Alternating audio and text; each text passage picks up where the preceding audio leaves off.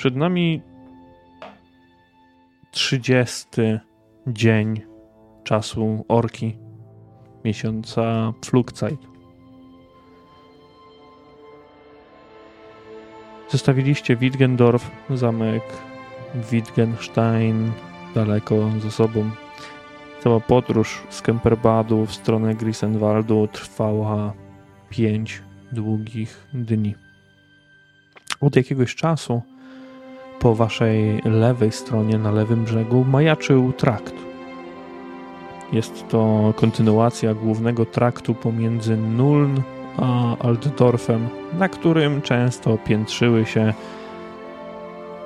masy ludzi podróżujących z północy na południe i na odwrót.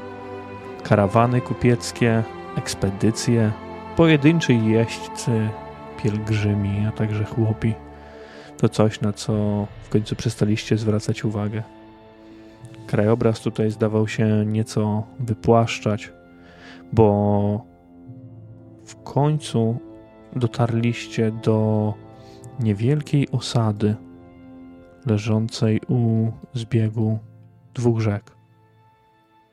To w tym miejscu rzeka Grisen wpływa do Rejku. Przy przystani zacumowano kilka łodzi, mniejszych jednostek, nawet jakieś barki by się znalazły. Wciąż kawałek za miastem kursuje prom przeprawiający pasażerów przez rzekę Rejk. Nadbrzeżne karczmy często zdają się pękać w szwach, a zamtuzy w takich miastach cieszą się powodzeniem ze względu na odosobnienie portu. Każdy rzeczny pirat marzy o znalezieniu ukojenia, chociaż chwilowego, takiego za pieniądze. Kiedy dobiliście do przystani, Renate wraz z Paulem rozpoczęli przygotowanie barki do wyładunku brandy zakupionej w Kemperbadzie. Handel, mozolna praca z powolnym zyskiem zaczynała przynosić profity. Wciąż jednak ktoś musiał tym wszystkim nawigować, pokazywać im co, gdzie i w jakim momencie. Widzieliście kilka lokalnych przybytków obok przystani, kilka karczm, w których moglibyście się zatrzymać, które z pewnością oferują wolne miejsca. To miejsca, w których można posadzić swój tyłek, ogrzeć się, zjeść nieco jakiegoś gulaszu warzywnego i popić wszystko cienkim jak siki piwskiem, ale w końcu na stałym lądzie. Zdaje się na dłużej. Grisenwald przywitał was jako miejscowość niezbyt duża, tak naprawdę. Nie okalana murem z każdej strony. Raptem Mur drewniany zdawał się majaczyć od strony południa i południowo-zachodniej części. Nie jest to duża mieścina. Typowy port przeładunkowy, transportowy, miejsce przeprawy pomiędzy jednym a drugim brzegiem Rejku. Weszliście na przystań, zatrzymując się tutaj w końcu. Bo po co przybyliście? te czarne szczyty, mityczne miejsce, o którym tak naprawdę niewiele wiedzieliście, musi być gdzieś tutaj. Tylko gdzie? W którą stronę się udać? Ja mam pytanie, jeżeli już mogę. Możesz. Czy ja jako, y, tak, jako no, z rodziny kupieckiej wiem, jakie towary są najbardziej chodliwe w y, Grisenwaldzie? W sensie, co możemy, co jest charakterystyczne dla Grisenwaldu? Co mogę Renata powiedzieć? Renatę, sprzedaj brandy i kup, postaraj się znaleźć jak najlepszą jakości co, żebyśmy mogli to sprzedać gdzieś, gdzieś indziej, tak?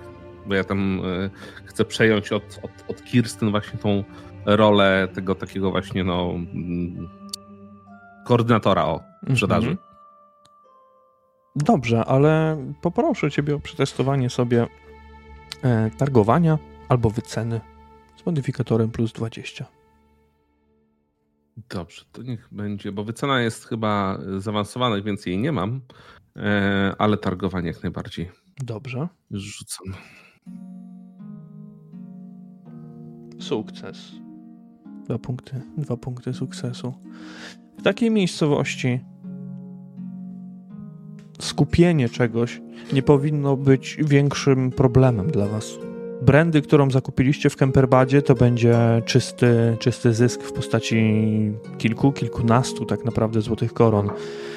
Miasto takie jak Grisenwald, cóż ono może, może wytwarzać? Nie ma tu zbyt wielu rzemieślników i zauważasz to na pierwszy rzut oka. Możecie zainwestować w drewno z pewnością, w jakieś zboże i może futra. Nie są to może futra północy, ale raczej standardowe towary. O przyprawach mhm. nie ma tutaj mowy, ani o mące. Mhm. To jeszcze zanim zejdziemy, no to zwracam się do Renata. Renate, proszę cię wejść tutaj jednego z naszych załogantów, weź te beczki z brandy, spróbuj sprzedać po jak najbardziej korzystniejszej cenie. Nie schodź tylko za nisko, a później Grisonwald nie ma nic takiego jak Camperbad Brandy, więc standardowe rzeczy, futra, drewno, zboże, coś byśmy mieli na handel, kiedy popłyniemy dalej. Dobrze, naturalnie. Postaram się wypytać, czy mam tutaj spędzić dużo czasu, czy spieszyć się? Wyda... Proszę. Jeśli Kirsten gdzieś tam na pewno jest, e, to pod, podsłuchując tą, tą rozmowę w mniejszy lub większy sposób, o, myślę, że zdecydowanie spędzimy w Grisenwaldzie więcej czasu, więc mhm. nie, nie należy się śpieszyć z niczym. Na pewno to nie będzie taki przystanek jak w Kemperbadzie, więc, więc możesz spokojnie poszukać jak najlepszej ceny, no i też odpocząć sama. E, dobrze, naturalnie. Postaram się, postaram się załatwić wszystko. I spotkamy się tutaj, czy będziecie najmować jakiś pokój? Wydaje mi się, że to może się okazać od tego, co uda nam się ustalić tutaj. Dobrze, dobrze. Ona spogląda w kierunku Paula, który przetacza ciężkie beczki z brandy e, w stronę przystani, a następnie jakby skiniem głowy informuje was o tym, że odchodzi. Pojęła to, co, to, co ma zrobić. Mhm. Następnie rusza gdzieś przystanią, już mhm. zaczynając wypytywać ludzi. Rasmus, Paul, mam nadzieję, że zapewni się Renatę też bezpieczeństwo podczas y, wizyty w Grisonwaldzie. Yy, ma się rozumieć, mówi Paul. Jednakże y, Erasmus zostanie na barce, żeby ktoś jej mimo wszystko przypilnował. A ja już standardowo pójdę z Renatę pohandlować. Jak najbardziej. Dziękuję Ci bardzo. Mężczyzna uśmiecha się i także, także odchodzi, jakby poklepując jeszcze te beczki tutaj w waszym najbliższym towarzystwie. Erasmus też na nie dogląda, więc jakby B, y, wasza, wasza barka jest y, zadbana, chciałem powiedzieć beczki, beczki też. Stoicie no co, na, na przystani i słyszycie, że to miasto nie śpi.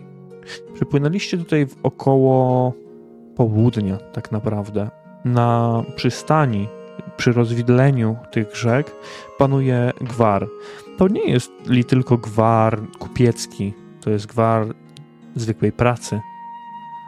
Widzicie, jak dziewczyna 20, może 25-letnia o bardzo bladej cerze szarpie się z jakąś łódką, typową łódką rybacką, która praktycznie wypada jej z rąk, gdy całą siłę, którą dziewczyna wkłada w to, chce wyciągnąć tę łódkę na brzeg, ale nie udaje się jej to. Wywraca się kolejny raz, lądując w błocie. A to kurestwo! Dziewczyna podnosi się na, na równe nogi i łapie uciekającą niemalże, niemalże łódkę, wbiegając po kolana do wody, próbując ją, ją zatrzymać. P pomógł mi ktoś! Halo! Ja... Kirsten, widząc jej starania się, jej zmagania z tą, z tą łódką, po prostu bez słowa chce zejść z barki i kilkoma po prostu większymi krokami no, dobiec do niej i pomóc jej z tą barką. Również się mocząc przy tym. Johan zmierza zaraz za Kirstyn, natomiast on jednak będzie czekał na brzegu, żeby tam ewentualnie pociągnąć, jak już będzie na suchym, by za bardzo się nie zamoczyć. Dziewczyna, kiedy pomagasz i podbiegasz do niej, Kirstyn spogląda w twoją stronę, na początku nieco zdziwiona, chociaż przed chwilą krzyknęła po pomoc i razem łapiecie za, za burtę łodzi i wciskacie ją, przyciągacie do siebie, do brzegu, do błotnistego mm, spadu w tym miejscu. Krótka grzywka tej dziewczyny przyklejona jest do czoła. Dziewczyna jest zgrzana, jej ciemne włosy opadają gdzieś tutaj do, do ramion. Ma przemoczony kaftan, tak jakby już wylądowała w wodzie kilka razy, a skórzana czapka zakrywa boki głowy i też opada po prostu na, na uszy. Yy, dzięki, dzięki za pomoc. Nie dałbym nie sobie ma... razy z tym cholerstwem. Nie ma problemu. Nie ma problemu. Polecam się. Herz, ochroniarka. E, Sofia Fischer. E, miło mi. E, może przydałby mi się ktoś taki jak, jak ty, chociaż nie wiem, czy na, na rzece to dobry pomysł. No nie, na rzece też bywają niebezpieczeństwa. Słyszałam o piratach rzecznych i innych takich łotrach, które, którzy przemierzają rejki i inne rzeki. No, to prawda, niby, niby są tacy, ale kto by mnie napadł? Ja mam tylko łódź rybacką. Co prawda, trzy węzły głębokości wygląda bardzo dobrze. Zauważasz, Kirstyn, teraz na boku napis farbą, właśnie takim wdzięcznym tytule. E, to moje marzenie. Zawsze chciałam taką mieć. E, chciałam zarabiać, żyjąc na rzece, ale do bycia piratką to mi jednak daleko. I sama tak pływasz? Nie masz żadnego partnera? No, towarzysza? no sama, sama. Musiałam wziąć pożyczkę, żeby kupić tę łódź. E, nie dość, że, że ryby w rzece przestały brać, no to dług mi się powiększa i ciężko jest jakby pogodzić to wszystko. Gdybym mogła, to bym wyruszyła gdzieś dalej, ale niedługo to mogę A. nawet łódki nie mieć. A na barce? Chciałabyś kiedyś pływać? No, na barce się nie bardzo chyba ryby łowi. Ale inne rzeczy się robi. I na rzece się pływa, żyje się na rzece. No, jakby się dało z tego wyżyć. Jak spłacę mój dług, to może i na. i na barkę bym się przeniosła. Może, może. E, a ty chyba. chyba nie stąd. Ja też nie stąd, nie. ale bym kojarzyła. Grisenwald to, to mała mieścina. Nie, dopiero, dopiero przypłynęłam razem z moimi towarzyszami na tamtej oto barce. czyli ty do pracy kogoś szukasz? Zawsze się ktoś przyda. Jesteśmy tylko my i wskazuję na Johana, który stoi na brzegu. I może gdzieś tam Witam. Randulf jest, jest po prostu. Ja jestem na barce dalej. Jakby nie schodziłem z niej, tylko przyglądam się całej sytuacji. Także wskazuję w takim razie palcem. Tam jest no, kolejny mój towarzysz. I Randulfie. mamy dwóch pracowników. No, trzech. Skina, skinienie głową e, jest Jak... jakby moją odpowiedzią. No Jak i... widzisz, to duża barka i przydadzą się kolejne ręce do pracy, a my płacimy dobrze. Eee, no, jak dobra, dobra płaca, to musi być też dobra praca. Ja to może coś do jedzenia bym potrafiła przygotować dobrego. No tak jak powiedziałam, łowić umiem. Takie, takimi rzeczami się zajmuję. Pilotować? E, łódkę masz, to może... No łódkę, ale to wieślarstwo bardziej. Tak, siła mięśni. Na takiej dużej to ja nigdy, nigdy w życiu swoim nie pływałam. Ciężko w ogóle pojąć. No ale najpierw to ja muszę 7 złotych koron zdobyć. A potem będę mogła myśleć. Jakbyś się tam myśliła i udałoby ci się dług spłacić, to jesteśmy chętni. W jakimś stopniu też pomóc możemy ten dług spłacić pracą oczywiście. Niby tak, ale czasu coraz, coraz mniej. No to kiedy ten dług spłacić musisz? Do końca Sigmar Zeitu. Miesiąc został. No. Masz no. już coś? E, tak, tak, tak. Wybacz, że dopytuję, ale. E, Znaczy, mam pięć srebrnych szylingów. A, jeszcze długa droga. No, żyć za coś trzeba mimo wszystko. A was, e, ona wychodzi też trochę z tego, z tego błota, w którym stała w stronę, w stronę Johana też naturalnie. A was, mości panie i ciebie pani, to jakieś ważne sprawy do Grisenwaldu sprowadzają, czy tylko szukanie pracowników? Po, po pierwsze, to Kirsten, jak już mówiłam, żadna pani. A po drugie, to hmm, można powiedzieć, że nieco inne interesy niż, niż samo po, poszukiwanie pracowników. Najpierw... Handel, handel, droga pani. A. Przywieźliśmy najlepszą brandy z Camperbadu. O, to, to, to, to dobra rzecz, chociaż krasnoludom lepiej nie dawajcie tutaj, bo to straszne ochlej mordy. Ale na przykład do Grisenrejku, ona wskazuje ręką na, na jedną z karcz znajdujących się nieopodal, to można by było to spieniężyć dość, dość porządnie, tak myślę. Ale coś tam znam na handlu. Nie będę, nie będę wam mówić. Wy się znacie lepiej, to wy jesteście handlarze. Nie ja. Kiedy kobieta nazwała handlarzami też Kirstyn, ona ewidentnie się skrzywiła. Nie. Coś nie tak powiedziałam? Ja jestem ochroniarką, A. nie handlarką. No tak. tak. Szanowna Kirstyn ochrania tutaj nasze przedsięwzięcie, natomiast samą e, sprzedażą zajmuje się nasz ekspert od sprzedaży Renaty, więc e, ona już będzie A. wiedziała, gdzie spieniężyć, choć dziękujemy bardzo za tutaj wskazówkę. No i ja też nie, nie, nie stąd tak naprawdę, to tylko niektóre tutaj przybytki znam, ale jakbyście potrzebowali czegoś się dowiedzieć tutaj, to, to służy pomocą. A co cię sprowadziło tutaj do Grisenwaldu, jak ty nie stąd? No, wskazuję na łódkę. Spłynęłam tutaj kawałek od, e, z, z, jednego z miast położonych nad, nad Grisen i tak sobie krążę po tej rzece. Rozumiem. A powiedz, co w takim razie, jak czekamy, aż się spieniężą nasze towary, co mm, polecasz, co można zobaczyć w Grisenwaldzie, co można zrobić, ale też może podpowiesz, jakich miejsc unikać, no bo każde miasto ma takie miejsce, gdzie lepiej nie wchodzić i dla nieświadomego podróżnika niespodzianki czekają w każdym zaułku. No, ciężko, ciężko powiedzieć w sumie. Tak naprawdę Grisenwald nie jest zbyt duży. To jest trochę domów, trochę jakichś tam cechów, e, duży rynek, kapliczki są pomniejsze świątynie, drewniany mur. No nic ciekawego tak na dobrą sprawę. Ja bym się tylko, jak za miasto byście wyszli, to bym się do tej dzielnicy krasnoludzkiej, dzielnicy, do tych krasnoludzkich slumsów nie, nie udawała. Oni to nazywają jakoś w swoim języku Kazit Slumbol. Jakoś tak.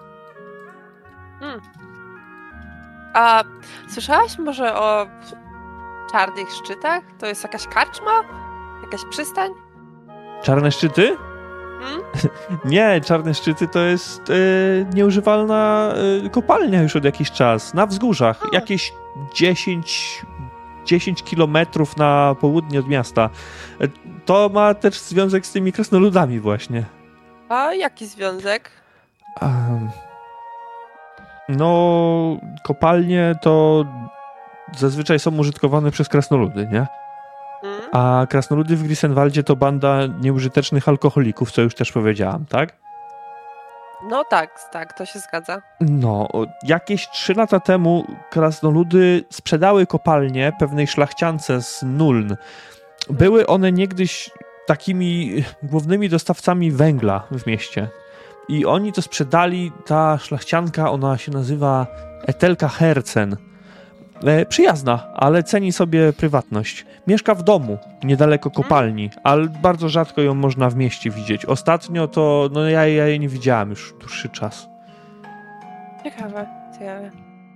W takim razie, Zofio, a nie będziemy ci więcej za zabierać cennego czasu na połów ryb. I cóż, dziękujemy za te użyteczne e, informacje. I cóż, życzę powodzenia na rzece. No, no dziękuję. To wam także w handlowaniu i, i w ochranianiu.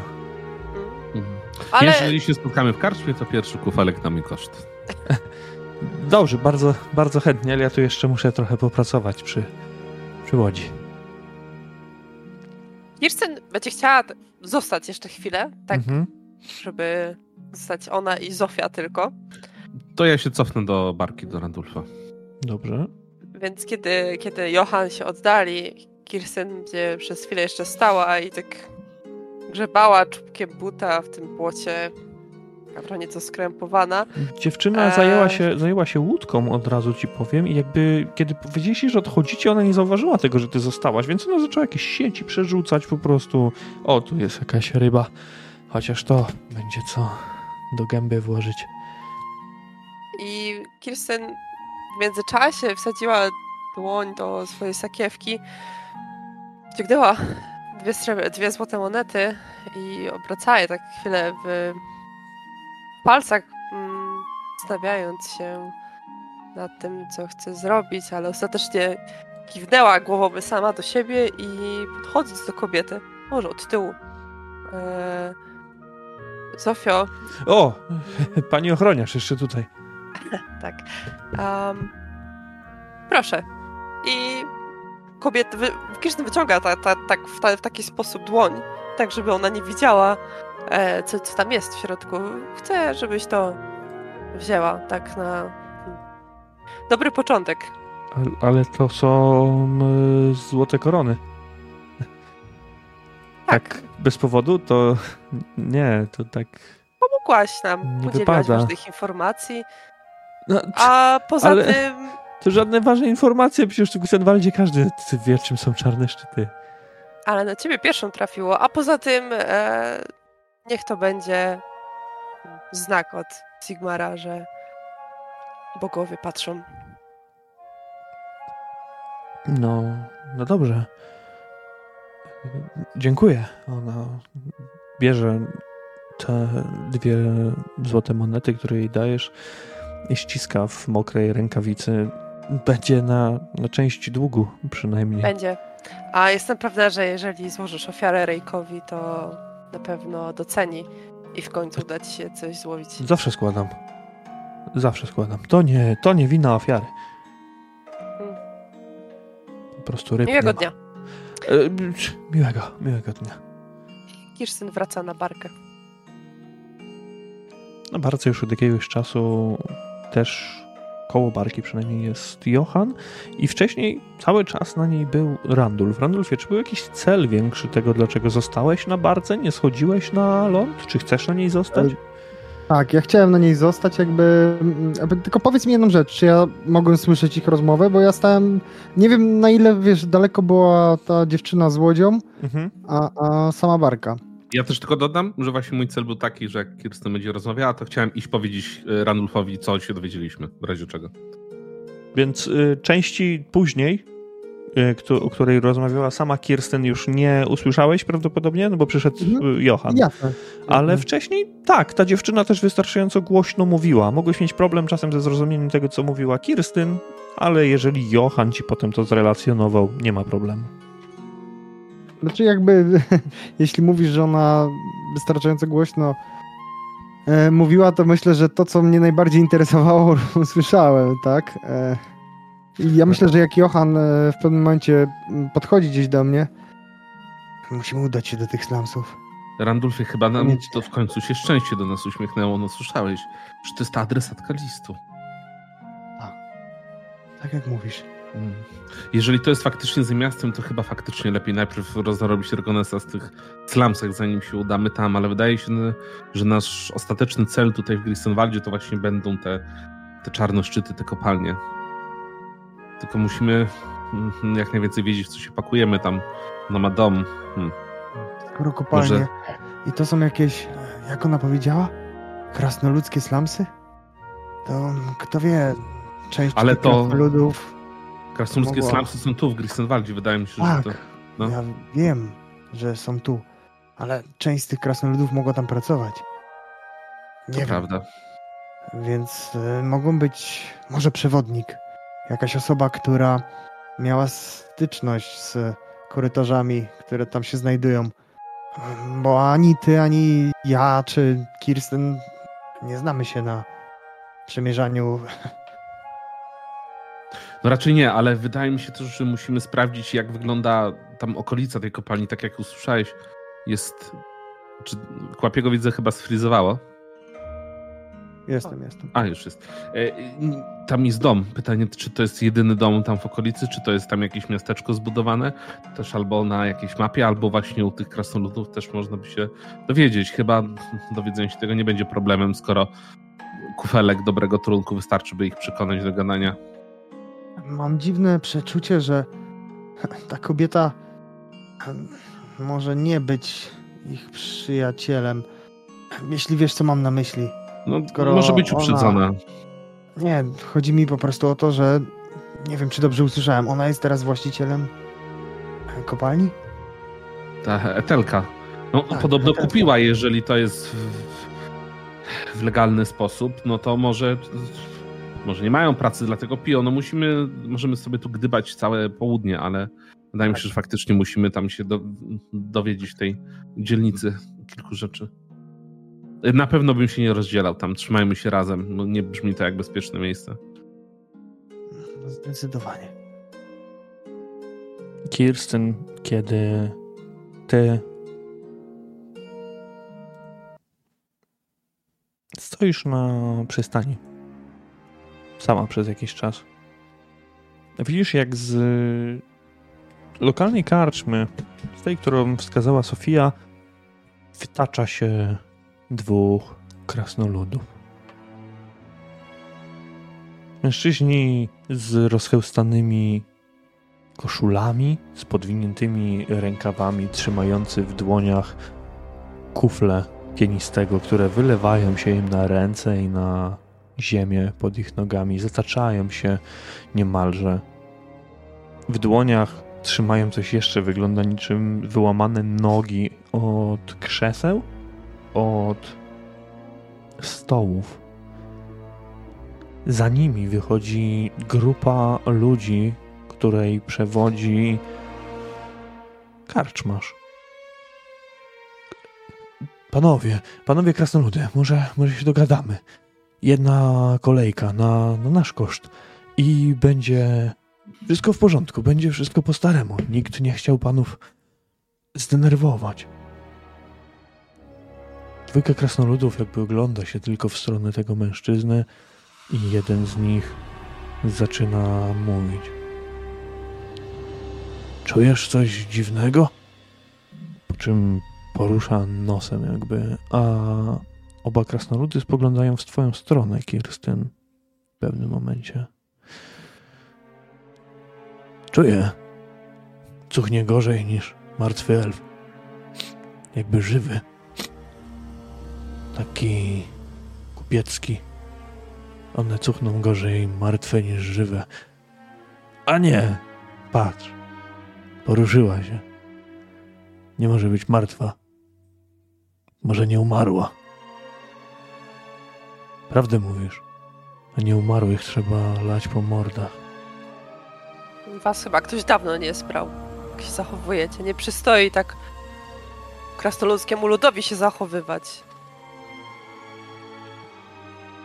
Taka jesteś? Mocna w gębie? A ja to bym komuś taką gębę dał. No, ja też w ryj mogę dać. No to nie będzie darmowej kolejki, będzie rekreacyjne danie w mordę. Krasnoludy odkładają kufle gdzieś na bok na jakiś stół, który był postawiony przed karczą, a następnie chwytają w swoje łapy te nogi od stołów, które wynieśli. Podchodząc w twoją stronę coraz bliżej, ale zataczają się w tym dziwnym tańcu. Słyszycie ja... to, Johanie, Randulfie, kiedy Kirstyn staje naprzeciwko tej dwójki Kirstyn? Zakładam, że nie mam ze sobą swojej włóczni, więc zdobywam miecza, który mam przy pasie. Dobrze. Do cholery. Chodźmy tam. Chodźmy. Przetestujmy sobie inicjatywę najpierw. Mhm. Dobra. My też czy na razie Kirsten i reszta? Nie, Kirsten i Krasnoludy. Chyba, że chcecie dołączyć do tego konfliktu. No, chyba nie ma wyjścia. To też sobie rzućcie.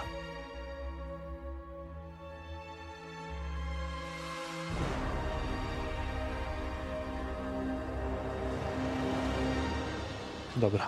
Będziecie jakby od następnej rundy. Pierwsza zrobi coś Kirstyn, potem krasnoludy. Kirstyn? E, Kirstyn stając naprzeciwko nim z mieczem wciągniętym, mówi jeszcze do tych zapijaczonych mord, że Sigmaryckie przykazania każą wspierać lud krasnoludzki, ale widzę, że wam to nie, was nie trzeba wesprzeć, tylko sprać, bo zachowujecie się jak ostatnie bandziory. Czy coś za tym idzie? Eee, tak, chcę wymierzyć pierwszy cios, ale ja nie chcę ich skrzywdzić, ja chcę ich obezwładnić, uderzyć ich gdzieś, gdzieś płazem. Po prostu sprać. Dobra, no to rzucaj.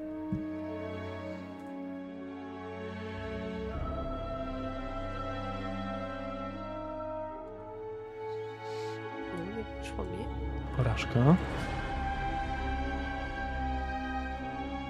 Próbujesz wyprowadzić jakieś uderzenie, Kirsten, ale krasnoludy jakby w tym uniku spowodowanym spożytym alkoholem nie dają się trafić tak łatwo. Jakby widzą to, że chcesz być delikatna. Nie chcesz sprawić im bólu. I może to błąd, ponieważ jeden z nich próbuje wyprowadzić cios. Eee, ja chcę sparować. Tylko. Dobrze. Cztery punkty sukcesu.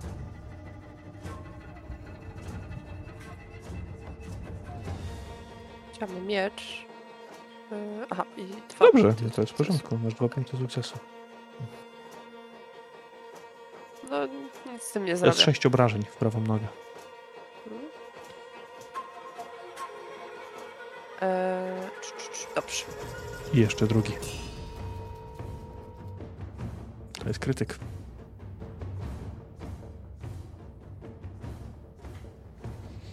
Rękę. Jeszcze twój rzut. Dobrze. Uuu, przerzucam to. Dobra. Dobrze się zaczyna. Wow. Dobra.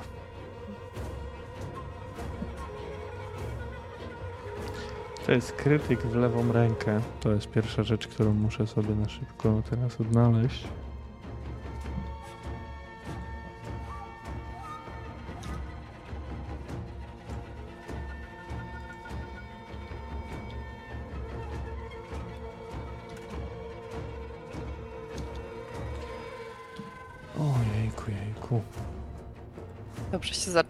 Posłuchaj, Kirsten. Kiedy krasnolud obrócił w dłoni ten kołek, który trzymał w ręce, wyprowadził jakby ułamanym fragmentem pchnięcie w twoją lewą rękę. To są kolejne obrażenia.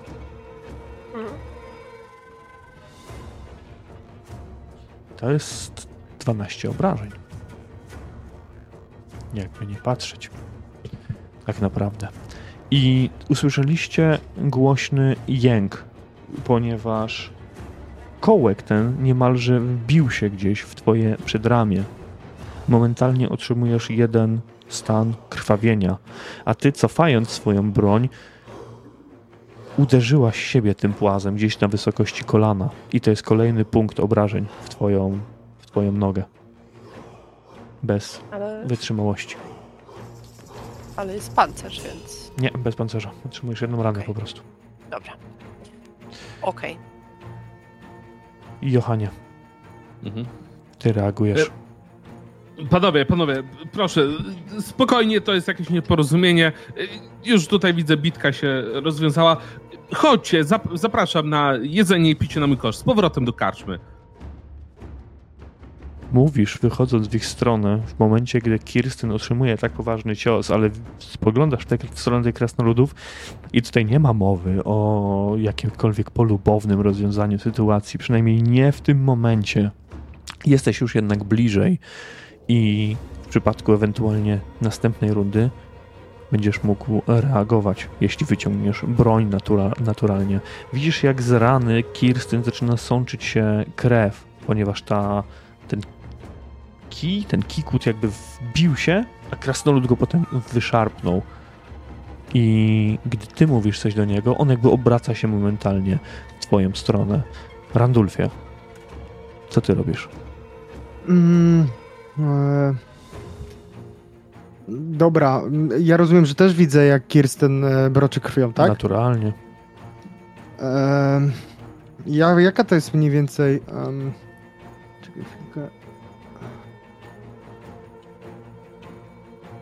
Hmm, jaka to jest odległość mniej więcej? Wiesz co, to jest parę, parę metrów tak naprawdę no, od was, może 6-7. Okej. Okay. No to ja bym chciał w tym układzie e, zmówić szybką modlitwę i mm, poprosić Mora o błogosławieństwo nieustępliwości dla Kirsten. Dobrze, spróbujmy.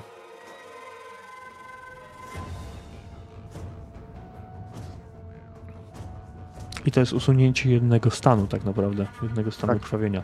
Więc popularnie ty jeszcze broczysz tą krwią, ale mechaniczne aspekty jakby odpadają całkowicie Kirsten w tym, y, w tym wypadku.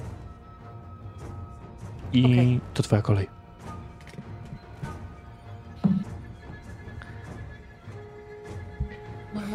Dobrze, po takim silnym ciosie, jaki, jaki otrzymała Kirsten, no się tego nie spodziewała, więc wycofam się te kilka kroków w tył i no, no nie będę chciała kontynuować tej walki. Spokojnie. Dostałam w pierdol. Poddaję się. I unoszę, wiesz, tą, tą jedną, jedną rękę ja dalej trzymam miecz, żeby nie było. Mm -hmm. Nie, nie daję im pola, wiesz, takiego, żeby oni mnie za zaatakowali, ale jasno sugeruję też, że no, podstęp odstępuję te dwa kroki wstecz. Kiedy ty się cofasz, krasnoludy w tym pijackim szale jakby nie zdają sobie z tego w ogóle sprawy, ale teraz najbliższym celem dla nich jest Johan. Johanie, ty wyszedłeś do nich bez broni, mhm. tak naprawdę. I one będą tak. próbowały ciebie trafić. Nie masz mm, jakby wyciągniętej, wyciągniętego żadnego oręża, więc będziesz mógł bronić się tylko na przykład unikiem albo jakąś atletyką. Mhm. Rozumiem. Pierwszy z nich zamachnął się. Proszę bardzo.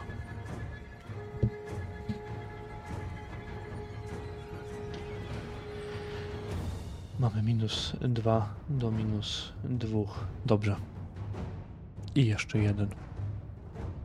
Tutaj pójdziemy jakby trochę na korzyść. I jeszcze jeden cios.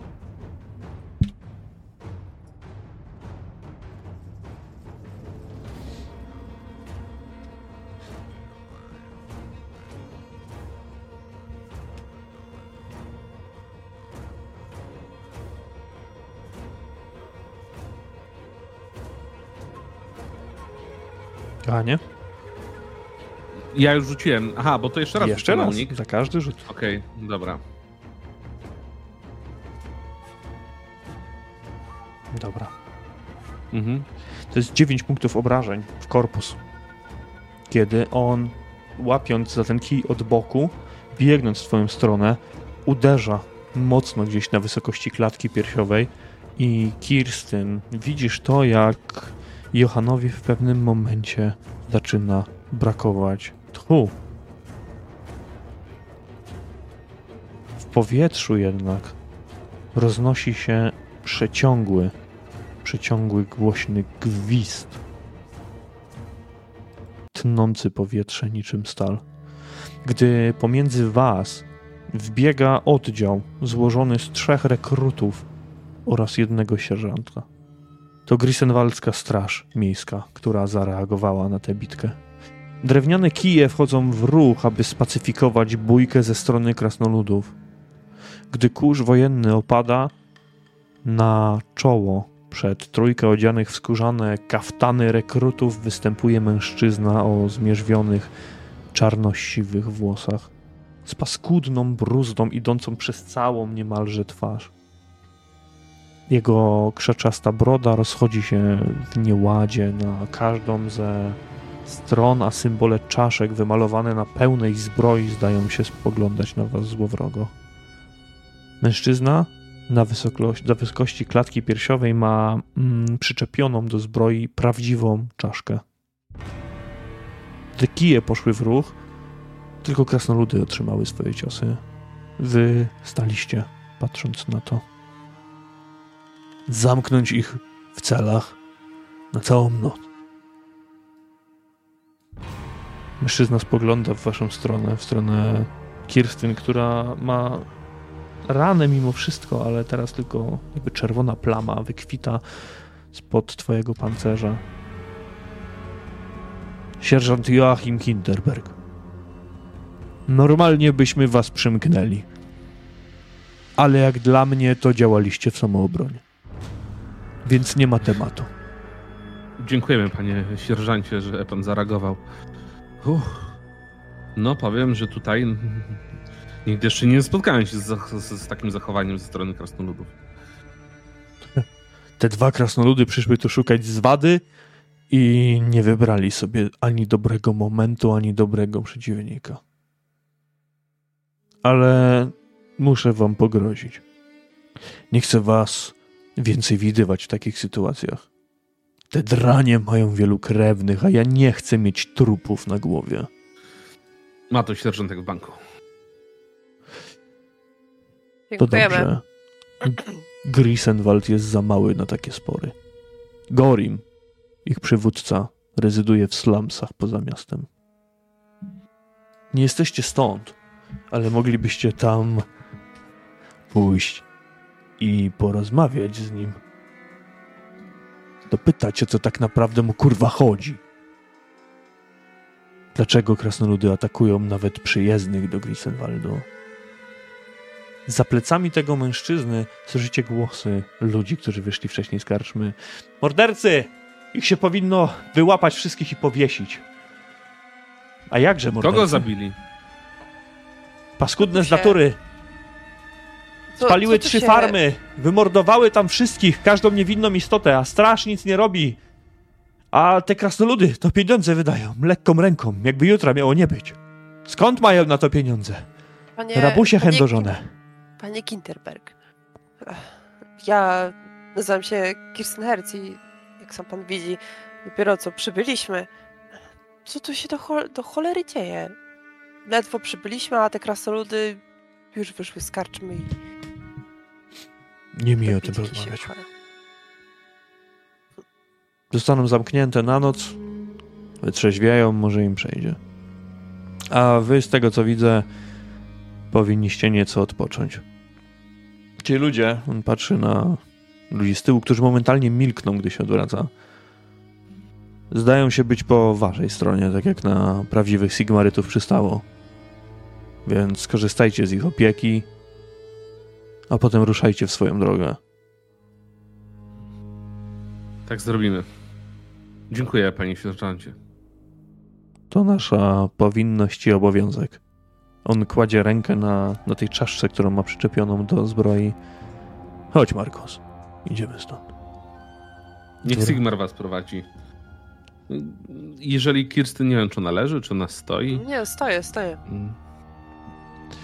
Obok was ja... pojawia się momentalnie Sofia, która widziała całe to zajście. To było raptem kilka kroków od nich i podchodzi do ciebie Kirsten, ale Johan, jesteś pierwszy, żeby coś powiedzieć, zareagować. Mhm. Ja tak podchodzę do Randulfa i tak pungiemkiem do niego mówię nie wiem, czy ta infiltracja slumsów, czy my się dowiemy coś o tych krasnoludów. Zobacz, one się zachowują jak szalone. Coś sprawia, że mają na to do tego powód. Może po, lepiej wypytać tych ludzi, którzy są na przypomnij w karczmie odnośnie e, tutaj tych czarnych szczytów, niż zapuszczać się do tego. Jak on się nazywał? Gotri? Gorim. Gorim. Tak. Lepiej, lepiej najpierw tu. Może nie trzeba będzie w ogóle tam iść, bo czuję, że jak tam wpadniemy, to będzie. To musi. ostateczność. Spokojnie. Kirsten, podejdź tu. Trzeba cię opatrzyć. Kiedy hmm. mówisz to, tak. Randulfie, zauważasz, że Kirsten jest jakby obok niej stoi ta, ta dziewczyna. Ale y, wszystko w porządku?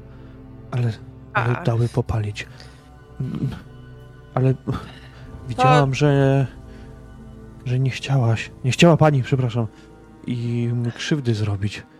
To szlachetne. Już ci, już ci mówiłam, że żadna pani nie chciałam. Jak przekazania Sigmarytów nakazują, należy wspierać lud krasnoludzki, ale ci to byli zwykli zbrodniarze. I lekcja mi się by przydała. Ale... Znaczy z tymi krasnoludami tutaj to, to już tak jest norma, do każdego się rzucają. Um, ja nie jestem z Grisenwaldu i tylko to co, to, co widzę, to mówię, ale w środku, w karczmie możecie popytać. Więcej wam o tych krasnoludach powiedzą, bo te tutejsze to tylko żyć potrafią podgryzać zamiast być pomocni. Mi też już grozili, że mi łódź wywrócą do góry dnem, jak na jeziorze, na rzece będę. No i takie tam. Pilnuj się w takim razie, Sofia. No. Najlepiej się do nich nie zbliżać. Tutaj ktoś woła panią, e, ciebie. E, tak, tak. Dzięki za, dzięki za troskę. Nic mi nie jest. I Kirsten to łapie gdzieś za tą, za, tą, za tą ranę i odchodzi ostatecznie od dziewczyny. Mhm. W stronę Randulfa. Tak jest.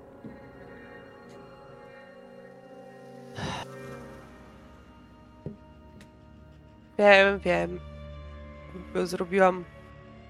Ja tak, jeśli podchodzi Kirsten, to ja spoglądam na nią e, takim surowym wzrokiem. Tak, więc, więc od razu Kirsten spuszcza głowę i wiem, wiem.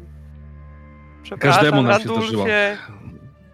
Każdemu nam się zdarzyło głupstwo popełnić. Chodź, spojrzymy z Randulfem na tę twoją ranę, a później Randulfie może pomożesz mi też trochę dostałem. Ja, tak, wyciągam bandaż, czysty bandaż z plecaka. E, gdzieś siadamy w jakimś spokojnym miejscu. Tak, żeby można było bez problemu gdzieś opatrzyć tę rękę. Stoisz sobie, a krew ciurkiem leci. Myślisz, że co? Błogosławieństwo Mora. Jego spojrzenie będzie na ciebie patrzeć przez cały czas? No, nie. Oczywiście, że nie. Ale szczęście mam, że z kapłanem Mora podróżuje i on doglądać mnie może. Biednie gadasz. Dawaj tą rękę.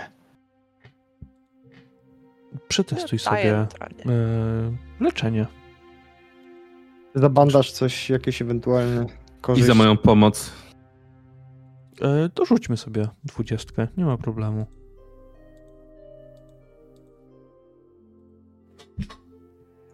Dobrze, to jest twój bonus z inteligencji plus 3 jeszcze.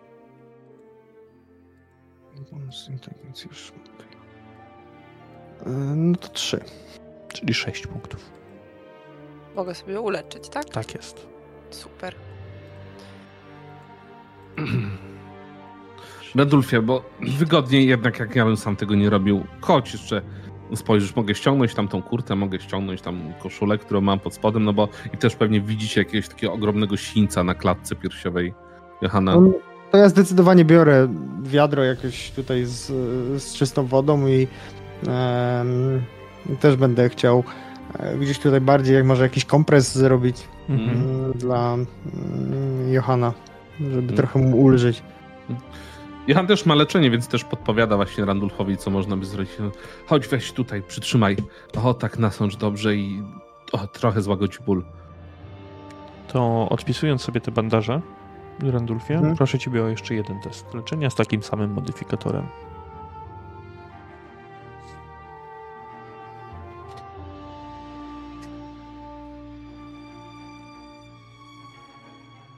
Wow.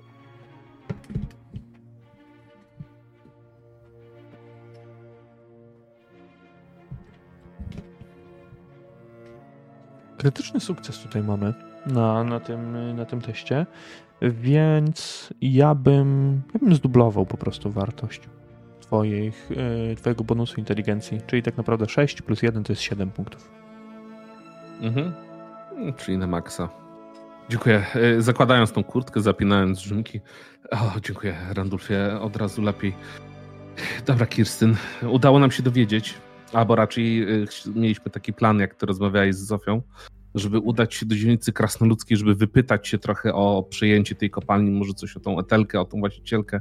Może oni nie są wcale tak pozytywnie do niej nastawieni i wykorzystamy to, ale patrząc po zachowaniu tej dwójki, ja bym nie zbliżał się do slumsów, jeżeli to nie będzie absolutnie konieczne. Może chodźmy do środka. E, ci ludzie, może wśród nich dowiemy się czegoś więcej. E, tak, tak, kiedy kiedy, kiedy stałam jeszcze chwilę na, na pomoście, podeszła do mnie Zofia, ta rybaczka. Powiedziała, że tak już tutaj jest z tymi krasnoludami i że na pewno w karczmie więcej nam powiedzą. A do tego mhm. całego Kurima no wybrałabym się w ostateczności, chociaż... Dokładnie. Pewnie i tak dobrze nie. będzie tam pójść. Ale zobaczcie, coś musi złego wpływać na te krasnoludy, przecież normalne krasnoludy tak się nie zachowują. A co złego? Przecież słyszałeś, co mówiła. Jeśli kompalnia została zamknięta, to stracili pracę. To myślisz, że dlaczego zgorzkniali? Pełni żalu gniewu siedzą tam. Może moglibyśmy pomóc odzyskać im kopalnię. Przecież wiemy, co tam się, co ta etelka tam Zakładam, robi. że jeśli etelka jest właścicielką, obecną właścicielką, to jest takim samym wrogiem dla krasnoludów, jak i dla nas. Musimy być tylko ostrożni, bo co jeżeli oni jej pomagają? Musimy się najpierw dowiedzieć tego. Oczywiście, mogę się mylić, tak? Ale z tego, co Ale... mówiła ta dziewczyna, to tak może być. Chodźcie do karczmy. Zjedzmy coś, napijmy się, wypytajmy ludzi. A później postanowimy. Na spokojnie. Bez tak. nerwowych ruchów. Tak, Randulfie. tak, tato. Zmierzacie do ale... karczmy, tak? Tak jest, ale Kirsten bierze swoją włócznię tym razem. Tak, dla bezpieczeństwa. Nie będę robiła burdy, ale... Posłuchajcie, jeśli mamy się udać do Krasnoludów, wydaje mi się, że powinniśmy to zrobić jeszcze dzisiaj, póki ta dwójka nie wyjdzie z aresztu. Jak już wyjdą i powiedzą reszcie, co tu się stało, to na pewno nie będziemy tam miłymi gośćmi. Też o, o tym myślałem, ale może tak... po obiedzie. Właśnie, o tym, jak dowiemy się czegoś więcej. Dobrze, dobrze. Przekraczacie w końcu próg jednej z e, tutejszych karczm. Ludzie, którzy wcześniej wylegli na zewnątrz, teraz pochowali się do środka, ale gdy wkraczacie do dużej sali i mrok zostaje nieco rozgarnięty przez światło pochodni, świec w środku. Widzicie grupę ludzi stojących przy długich ławach. Toczy się tam zażarta dyskusja przy piwie i tutaj Kirsten zauważa, że ludzie trzymają w dłoniach to, co mogą, to, co mogli mieć ze sobą. Też jakieś części mebli, ktoś trzyma widły w ręce. Ludzie, no tak dalej kurwa być nie może. Krasnoludy to nasi przyjaciele, a zamiast pomocy przychodzą i biją. W slamsach wrzyją jak przybłędy jakieś. Z tym trzeba porządek zrobić. Dobrze, że Straż Miejską mamy po naszej stronie, to im czasem jebnie, jak za bardzo podskakują. Nie będziemy tak z założonymi rękami siedzieć, przecież trzeba tam iść z widłami i rozgonić ich na cztery wiatry stąd. Mieli Państwo, mieli Państwo, spokojnie, spokojnie. Jak zdążyliście zauważyć, my mieliśmy właśnie tą tarczkę z tymi krasnoludami. Niemniej jednak no, wzywam do, do spokoju. Pamiętajcie, co Sigmar mówił. No, krasnoludy to przyjaciele. Nieważne, jak się zachowują. Powiedzcie, y, bo oni co, co, roboty tu nie mają, czy co? Że im się tak nudzi. Przeważnie krasnoludy to pracują o tej porze dnia. Ktoś się odwraca w twoją stronę, kilka, kilka osób. Gdy tamta rozmowa dalej trwa, nie roby i tyle. Kopalnie sprzedały i myślą, że teraz mogą nam wejść na, na głowę. To tak, tak nie działa. Czyli nie pracują ludzie. w tej kopalni? No, gdzie? Sprzedali ją, wynieśli się. Sprzedać. Jeszcze, I tak mogli pracować. Jeszcze szlachciance dom w podzięce zbudowali, że taka dobra była i im sprzedała. Że kupiła. I, co? I, I tak tutaj teraz siedzą i chleją na umór i nic nie robią? Nic nie robią, nie pracują, a pieniądze skądś mają. A ile to już tak trwa? Przeszło rok będzie. Jak nie Rok. więcej. Ze dwa ktoś tam krzyczy z boku. A co o tej kopalni się mówiło? Jakieś takie podejrzane to mi się wydaje, że krasnoludy Kopalnie, sprzedać tak. chcieli i to jeszcze ludzkiej No właśnie, szlachciance. to jest podejrzane. Coś dziwnego tam się działo? Że oni w tej podzięce jeszcze jej dom wybudowali. Działo się tyle, że jak tu się przyniosły, to mówiły, że złoto jest w kopalni. Chuja tam, a nie złoto, sam węgiel. Ale no jak węgiel wydobywały, to i zysk był. Ale na złoto nie natrafiły. Nigdy. Na nic innego też nie. Tylko ta czarna skała. To jak się pojawiła szlachcianka i powiedziała, że im że od nich kupi te kopalnie, to jeszcze z pocałowaniem ręki sprzedały. A ten dom, który zbudowali, to, to zbudowali coś tam jeszcze? Czy tam tylko ten dom stoi przy tej kopalni? Dom niedaleko. Dwa piętra ma. Jak to dla szlachcianki, żeby w mieście nie musiała mieszkać. A No, po co szlachcianka chce dom przy kopalni? To przecież... Dokładnie, właśnie. W mieście to przecież prestiż. Ludzie patrzą się Ale- na was. Co nas to obchodzi w sumie? To nas pytacie o to? Ją zapytajcie. Mm, Ciekawi jesteśmy, co spowodowało takie zachowanie krasnoludów. Ale dobra, no ja odchodzę w stronę karczmarza, chcę zamówić e, coś do jedzenia, jakieś piwo. Mówisz, Frederiku, ale... Mówisz o widłach, a czy twoja rodzina nie przybyła do Grisenwaldu jako przybłędy? I pyta to właśnie karczmarz. Kto wam wtedy dach nad głową zaoferował? Krasnoludy. I tak chcesz im odpłacić za gościnę? To już nie są te same krasnoludy, Erwinie. Chaos nimi kieruje, a chaos ogniem trzeba traktować. Ale ogień nie, też nie jest rozwiązaniem na wszystko. A jak takie nie były, a się stały, to może jest szansa, żeby stały się dobre znowu. Dobre. Takie jak dawniej. Żyją dłużej niż my.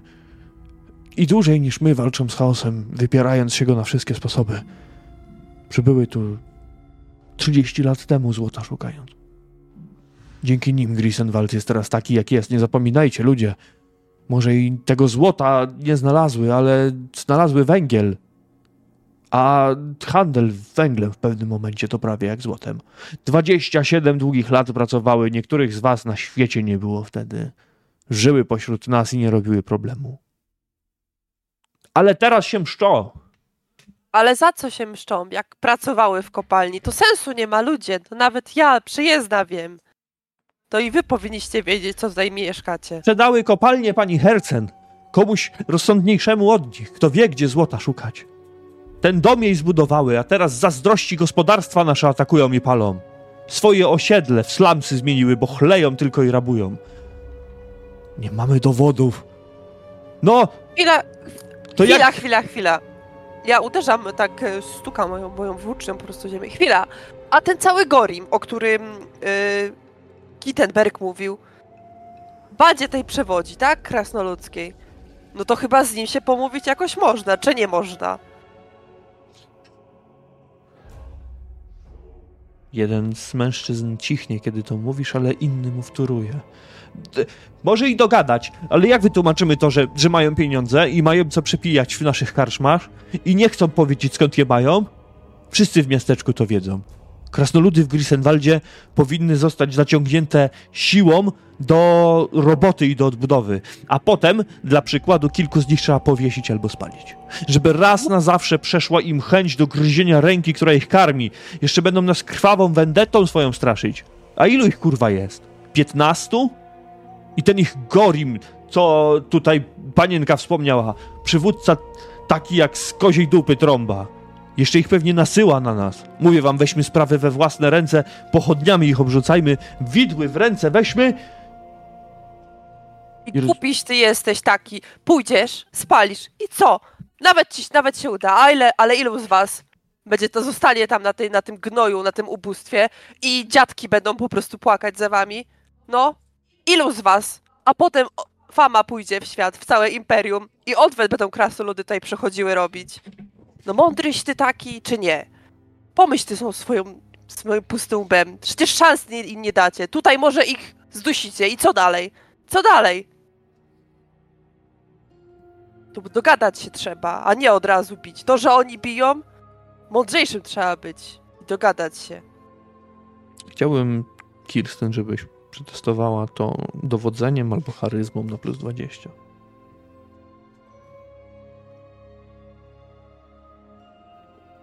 Dobrze. Przerzucę to. Dobrze, mamy porażkę na minus 4 w tym momencie. No super. Minus 3. Schodzimy. E, wiesz co? Ja chcę spalić swój punkt bohatera. Dobrze. Jaki wynik chcesz ustalić? E, ustawić chcę krytyczny sukces to 11. Dobra. 11 albo od 0,1 do 0,5. Realnie. No to 0,3.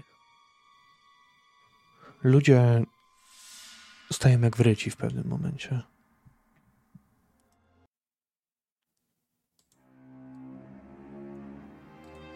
Może. Może i racja. Może tak lekkomyślnie to. To nie ma co działać. Może usiądźmy. Straż tamtych zabrała do. do klatki. A wszyscy chcemy, żeby w Grisenwaldzie lepiej się żyło. Przecież jak się inni dowiedzą, to już nikt nie będzie chciał tutaj do portu naszego cumować. Posadź dupę, Frederick. Napijmy się. Erwin, po polej nam wszystkim kolejkę. Może coś do jedzenia przynieść. Może nas poniosło trochę z tym wszystkim.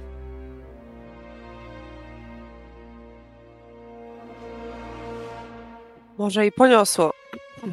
Ale karczmarza macie dobrego, co dobrze gada. Słuchajcie się go, to krzywda się wam nie stanie. Ja siadam przy kwasie.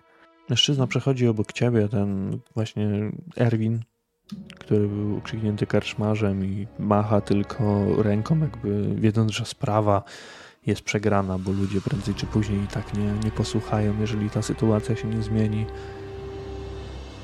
Nalewa wam po kuflu piwa i zaczyna też usługiwać tutaj, tutaj innym. Ta karczma mimo wszystko jest wypełniona ludźmi, którzy teraz rozchodzą się do swoich, do swoich miejsc. Dzięki temu, że miałaś krytyczny sukces, karczmasz w końcu przychodzi z powrotem za ladę, opiera się o nią. Dzięki tej przemowie uniknęliśmy głosowania. Zazwyczaj, jak ludzie mają jakiś problem, to pod głosowanie to poddają tutaj w karczmie. Między innymi. No dobrze, że dzisiaj się udało głosowania ominąć. Słabo to wyglądało.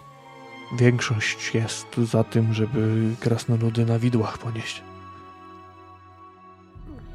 E, Nie wolno. Karczmarzu, coś więcej o niej powiedzieć możesz? Wiemy, że mieszka w tym domu, tak? Koło kopalni. Ale czym się zajmuje? Czy widujecie ją tutaj? Handluje czymś? W mieście w Grisenwaldzie za bardzo nie. Przeniosła się tutaj trzy lata temu z Nuln. I oprócz tego, że nasza mieścina może się pochwalić, że ma e, szlachciankę, no to niczym więcej. Trochę prestiżu nam przysporzyła tutaj. O, no. Rzadko się pojawia w mieście. Często udaje się na jakieś podróże dalekie. Nawet nie wiem, czy teraz jest w swoim domostwie. Sama tam w tym domu mieszka? Sama, sama. Chłopa żadnego nie ma. Tak przynajmniej mówi. Za tymi szlachcicami to, to nie nadąży człowiek, nawet jakby chciał. Tajemnice swoje mm. mają, sekrety. Mm. Ale dom, dom to jest budowali krasnoludy taki, jak jakby sobie mieli budować. Jakby piętro on ma, ale w kształcie bryły takiej stoi. I na jak to mówią, na planie tam sześciokąta czy coś takiego to postawione. Taki dziwny, no tak się, tak się domów nie buduje przecież. Ciekawe, co mówisz. Coś mi to przypomina. O, szlachcice mają swoje fanaberie, to może już widzieliście kiedyś coś takiego. A, o A... tym Gurimie całym. To, co powiedzieć nam możesz.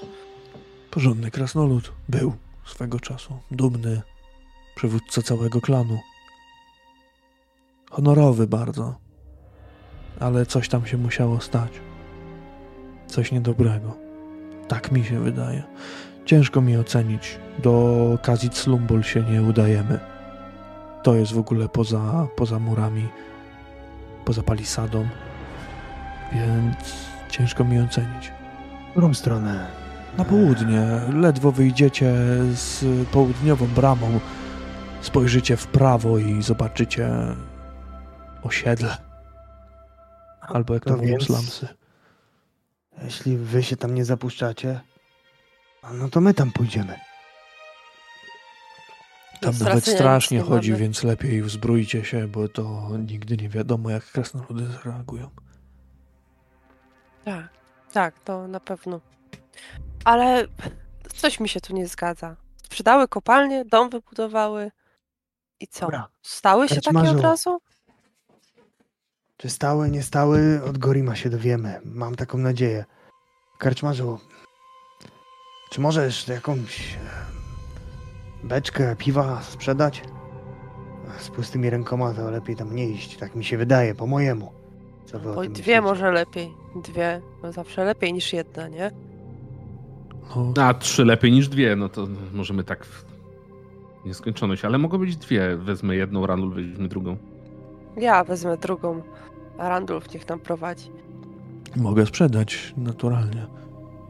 O, myślę, że za osiem srebrnych szlingów mógłbym wytoczyć dwie beczułki, takie całkiem zgrabne, z dobrym Proszę. piwem.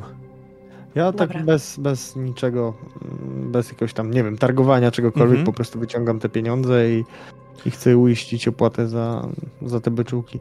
Dajcie, Masz Randulfie? Mam. Dajcie mi chwilę w takim razie, niech no zejdę do piwniczki. Macie jeszcze tutaj w ramach takiego prezentu. E, podjedzcie czegoś, bo wyglądacie mimo wszystko po tej bójce dość mizernie. Chociaż mówi to mężczyzna spoglądając bardziej w stronę Randulfa, pewnie nieco skrytego pod kapturem, no ale twoja aparycja, Randulfie, jednak zwraca uwagę ludzi. Nawet jeśli nie przedstawiasz bym... się jako kapłan Mora, to, to ludzie widzą tą odmienność u ciebie. Tak, Ja bym to widział w ten sposób, bo ja zamówiłem, jak Kirsten rozmawiała z tymi ludźmi, już jedzenie odszedłem do stolika, więc ja bym to widział, że jak on przyniósł mi to jedzenie, yy, czy tam nawet nam to jedzenie, yy, no to on wtedy z nami zaczął rozmawiać, tak dosiadł się do stolika i nam opowiadał, bo ja odszedłem dlatego, wcześniej i Dlatego zaznaczam, że mhm. kiedy Kirsten powiedziała, że ona idzie do szynkwasu, że zajęliście miejsce razem, otrzymaliście to jedzenie, ale on was poczęstował i jeszcze czymś dodatkowo. Okej, okay, okej, okay. dobra, to teraz rozumiem. Bo to, że wcześniej zamówiliście, to tak naturalnie to też odnotowałem. Jego dobrym gestem jest też to, że da wam coś dodatkowego. I oczywiście on spędzi trochę czasu w piwnicy, e, w piwniczce i jakiś czas mu to zajmie. Wytoczy w końcu dwie beczułki. To nie będą duże beczki, mimo wszystko, mhm. ale takie, żeby sprawnie można było je, je nieść jest rodzaju. W tym czasie myślę, kiedy on tam te beczki jednak przygotowuje, to, e, to ten posiłek chyba zjemy. Mhm. Naturalnie. Możecie jeszcze tak. o czymś porozmawiać, jeśli chcecie. To jest ten moment. Nie, to przejdziemy sobie dalej. No to widzę. plan obmyślić. Gotry Wejdziemy widzę, tam że to jednak po prostu. Ostateczność wejdziemy. była. Dokładnie, wejdziemy po prostu. Wejdziemy I, po prostu i, co dalej? i zapytamy, jaki był powód sprzedaży kopalni. I musimy też, słuchajcie, przełknąć naszą dumę, nawet jak oni będą zachowywać się jak chamy. Wiadomo. Kapelusz może swój czas założyć. Mm, ja bym nie, roz... nie rozsierdzałbym ich raczej. A czym chcesz ich rozsierdzić? To krasnoludy, a nie demony. To dobry pomysł. Ten kapelusz to może ich powstrzyma od pochopnych No. decyzji. W sumie to też prawda, mogą zawsze myśleć, że reszta reszta łowców czarownic tutaj przybędzie, kiedy nam się stanie krzywda. A No dobra. jest pomysł. A Z jednej tak- strony karczmarz powiedział uzbroić się, ale tak sobie myślę, jeżeli tak czy siak, ile on ich tam jest? 15. Nawet jeśli do jakiejś bójki dojdzie, to i tak straceni jesteśmy. Prawda. Wiecie, co mam na myśli? Czy jest sens broń zabierać? To rozsierdzić ich może. Broń raczej y, można mieć, no podręczną i tak dalej. No, nie wiem, jak Kirsten z włócznią będzie chciała, ale rozbrajać się całkowicie, no to też wydaje mi się, że to byłoby podejrzane, no bo kto wchodzi, to chodzi bez broni. Zwłaszcza jak chcesz, żebym założył kapelusz, no to łowca czarownic bez broni, no to jest jak Dobrze, dobrze. Tylko pomysł rzucam. Sugestie. Hmm. Ale to nie jest głupi pomysł. Słuchajcie. Zawsze można zagrać tym, że plotki poszły, że krasnoludy tutaj szalone są i łowcy czarownic się tym zainteresowali, czy to nie wpływy chaosu. Jakby, wiecie, za bardzo się... Może w ostateczności, jeżeli nam nie wyjdzie po dobroci. Hmm. W końcu wychodzi do was karczmarz, przygotowując beczki, że całkowicie wyciera ręce w kawałek materiału, który miał przewieszony przez bark. Ludzie tutaj mówią jeszcze o jednej sprawie, z którą ciężko jest nam się zgodzić. Nie O wierzę. jakiej to sprawie? Nie wierzę, żeby to zrobiły krasnoludy, ale w przeciągu ostatnich kilku dni trzy farmy znajdujące się na południe od miasta doszczętnie spłonęły razem z mieszkańcami. Ludzie podejrzewają, że zrobiły to właśnie krasnoludy w ramach zemsty, w ramach zastraszenia. Nie daję temu wiary, ale może to kolejna rzecz, którą warto byłoby rozwikłać.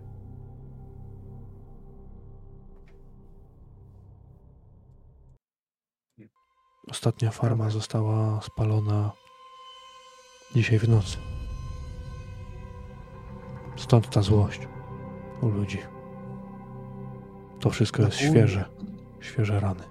Mówisz na południe, czyli rozumiem, że Pomiędzy Grisenwaldem a Czarnymi Szczytami. Pomiędzy ich dzielnicą. Tak. Dużo farm jest rozsianych na południe od Grisenwaldu. Nieregularnie. W stronę Czarnych Szczytów ciągnie się las, a farmy te położone są najczęściej właśnie w lesie. Odcięte od jakichkolwiek wpływów patroli Straży Miejskiej. To małe zabudowania. Małe pola. Dużo drwali, czasem przychodzą do naszego miasteczka, ale głównie są samowystarczalni. Ostatnio jednak zaczęliśmy widywać kłęby dymu unoszące się z nad lasu, a potem docierały do nas wieści o rodzinach, które znikały bezpowrotnie, ginęły albo zostawały spalone żywcem.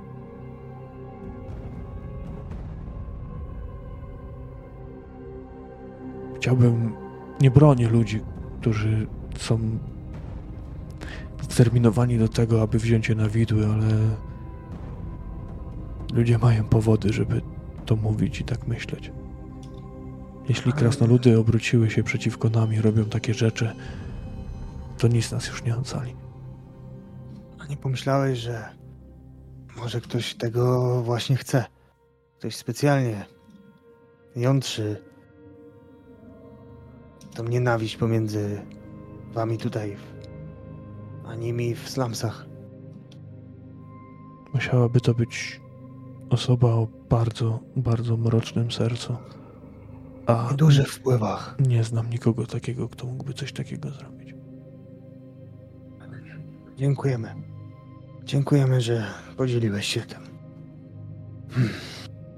Już zmartwioną twarz tego karczmarza, który odstępuje wam w tym momencie te beczki.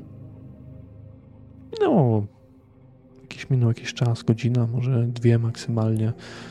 Jest ta pora obiadowa, późno obiadowa, w której możecie wyruszyć tak naprawdę do przez cały, przez cały Grisenwald do osiedla krasnoludów.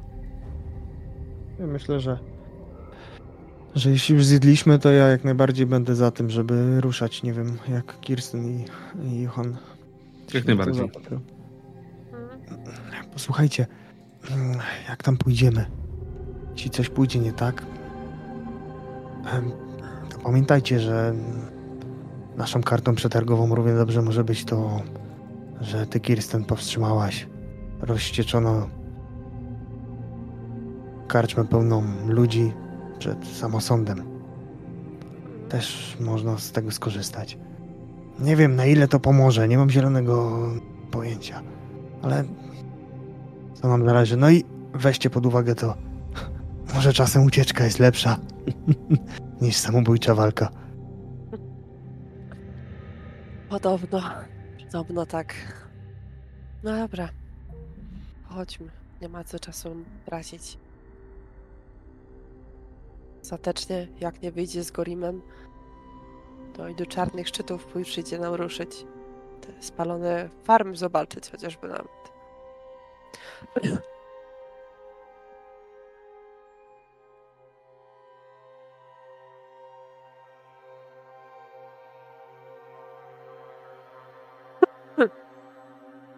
Farmę.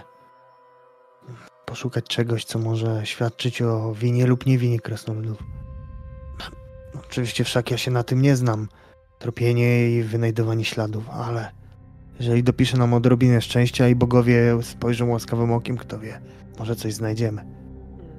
Pamiętajcie, że jest ograniczona, mamy ograniczony czas, zanim ta dwójka wyjdzie, a już chyba dzień chyli się ku zachodowi, tak? Czy jeszcze mamy czasu do zmierzchu? Jeszcze macie, jeszcze macie trochę czasu do zmierzchu, spokojnie.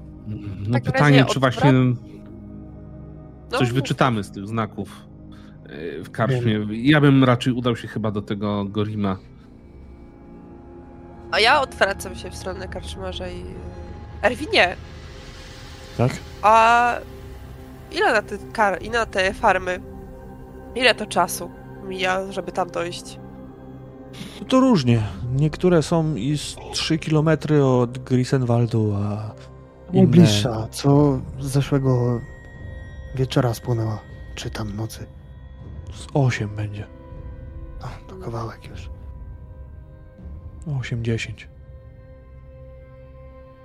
No to parę godzin drogi. To rzeczywiście czasu nie mamy. Dobra. Dobrze. Ruszajmy. Dziękujemy, Garczmarzu. Dziękujemy. Ja dziękuję. Wychodzicie, chwytając za beczki i ruszacie w Grisenwald, aby przejść przez niego i udać się do krasnoludów. Ale najpierw zrobimy sobie krótką przerwę. Myślę, że wrócimy w momencie, gdy mogę Wam coś powiedzieć o samym Grisenwaldzie, kiedy będziecie go przemierzać. Bo oprócz największej strefy przybrzeżnej, która przylega do ramion rzek okalających miasto, Grisenwald składa się z kilku kwartałów. I punktem centralnym tych kwartałów jest duży plac rynkowy z licznymi straganami. Być może nawet przechodząc, mogliście zauważyć Renatę i Paula, którzy dokonują jakichś zakupów, już nie mają ze sobą beczek z brandy. W mieście znajduje się kilka pomniejszych kaplic czy świątyń, siedziba Straży Miejskiej, ratusz oraz kilka budynków należących do związków cechowych. Miasto jest jednocześnie tak naprawdę przystankiem na dalszej trasie do Nul. Jednak powoli zdaje się rosnąć w siłę dzięki potencjałowi geograficznemu. Od południa otoczone jest drewnianym murem, za którym ciągną się już pola i lasy. I widzicie to podróżując w stronę południową, ponieważ brama drewniana jest otwarta na przestrzeń. Po wyjściu z miasta, po przejściu przez bramę, nikt was o nic praktycznie nie, nie pyta. Są tutaj strażnicy, są tutaj rekruci Straży Miejskiej i czasem zdarzy się, że zauważycie błysk zbroi kogoś wyżej postawionego, ale nie ma tutaj żadnych problemów. I dopiero gdy przekraczacie bramy miasta, widzicie po lewej stronie płynący rejk. Widzicie ścianę lasu, która zaczyna się przed wami, a droga prowadzi coraz wyżej i wyżej w stronę lasu. Was jednak bardziej interesuje to, co dzieje się po prawej stronie, bo tam możecie dostrzec zbieraninę chat poustawianych w losowy sposób.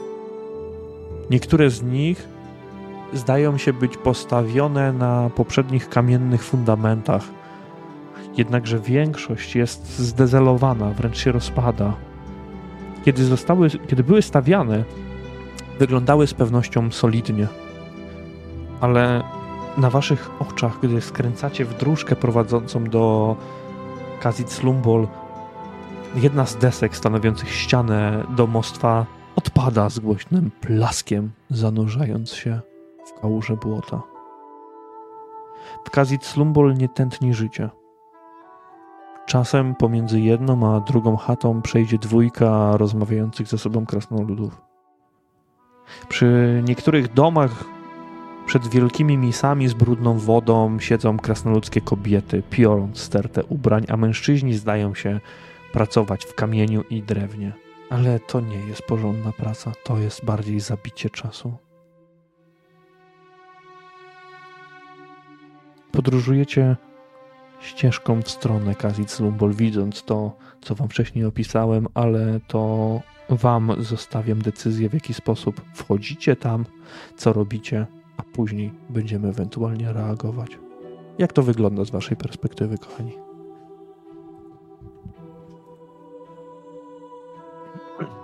Ja myślę, że wchodzimy tak dosyć e, asekuracyjnie jednak. Mm, jakby nie do siebie. W sensie takim, no, że wchodzisz w gości. Jednak e, troszeczkę zachowując ten, ten tutaj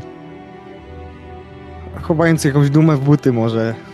Jest tutaj troszkę tak e, rzeczywiście nie swoje zaczyna się robić. Widać, że coś te krasnoludy ewidentnie E, trapi. Coś tutaj hmm. nie gra. Też wydaje mi się, że jeżeli tam ich jest 15, to te slamsy nie są jakieś nie wiadomo du jak duże, więc jesteśmy w stanie jakoś w miarę zlokalizować ten, e, ten dom e, tego Goriego, więc wydaje mi się, że kierujemy się w tamto miejsce, jeżeli tam jest jakiś, nie wiem, strażnik odźwierny czy coś takiego, no to wprost mówimy, że przybyliśmy... Błąd, Johanie. Sporo... Od razu muszę ci, przepraszam, przerwać. Tych domów jest zdecydowanie więcej to, że ludzie powiedzieli, ilu krasnoludów tam jest, nie oznacza, że jest idealnie tyle domostw, że tam stoją trzy chatki. To mhm. jest duże osiedle, rozpadające się tak naprawdę. Mhm. I większość z tych domów wygląda bardzo podobnie. Wy dopiero wchodzicie Dobra. w jego jakby pierwsze zabudowania i chodziło mi o waszą reakcję. Czy idziecie właśnie na pewniaka, czy idziecie niepewnie? Nie, bo ja myślę, że... Randulf powiedział jedno, ty powiedziałeś drugie, więc chciałbym... Znaczy ja na pewno idę tak niepewnie, i, i... ale skoro już wspomniałeś o tych kobietach, które gdzieś piorą, to może będzie dobry cel, może nawet lepszy niż, niż tutaj e, e, płeć męska, krasnoludzka i, i tak bym spróbował. Ja bym chciał podejść może do, do jakiejś kobiety, która e, właśnie zajmuje się mm, praniem. Proszę... Kirsten na pewno też nie, nie idzie pewnie. Mhm. Raczej będzie tutaj sugerowała się tym, co, co będzie postępował Randolph. Johanna i Kirsten będę prosił o test percepcji. Na plus 20.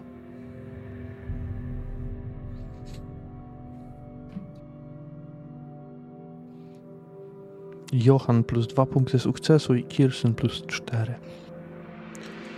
Randulfie, ty może nie wysforowałeś się do przodu, ale skręciłeś trochę z dróżki stronę jednej z krasnoludzkich kobiet, która teraz na dużej tarce po prostu przyciąga ubraniami.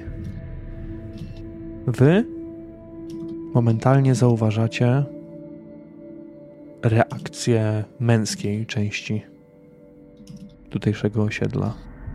Każdy z krasnoludów, który siedział gdzieś, jakby chwyta albo sięga po kij, po jakąś broń.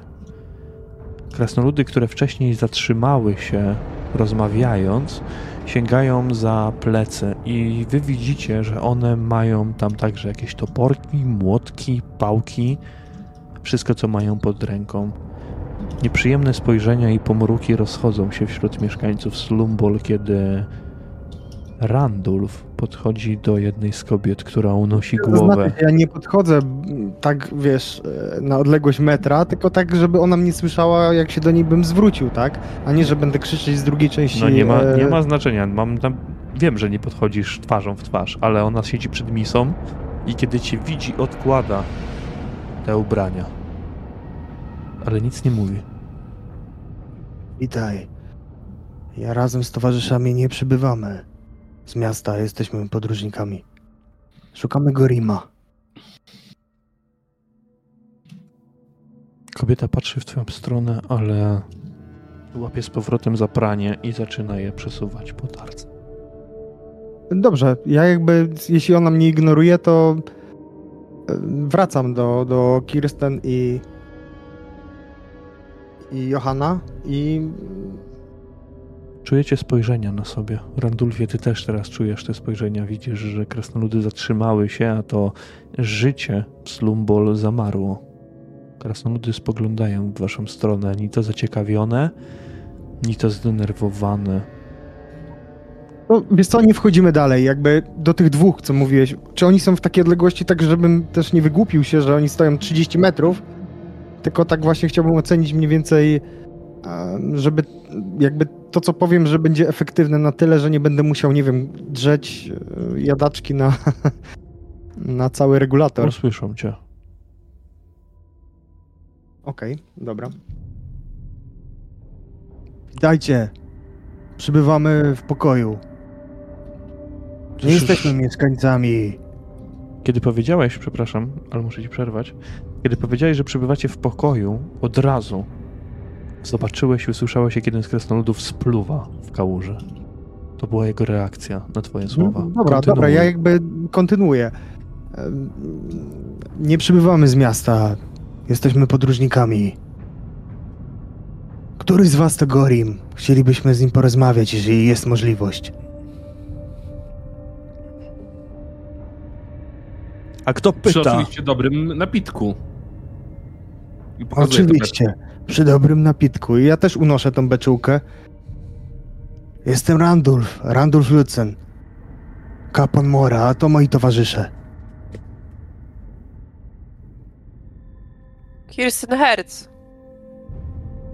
Jestem ochroniarką tego kapłana, ale tak jak powiedział, nie szukamy zwady.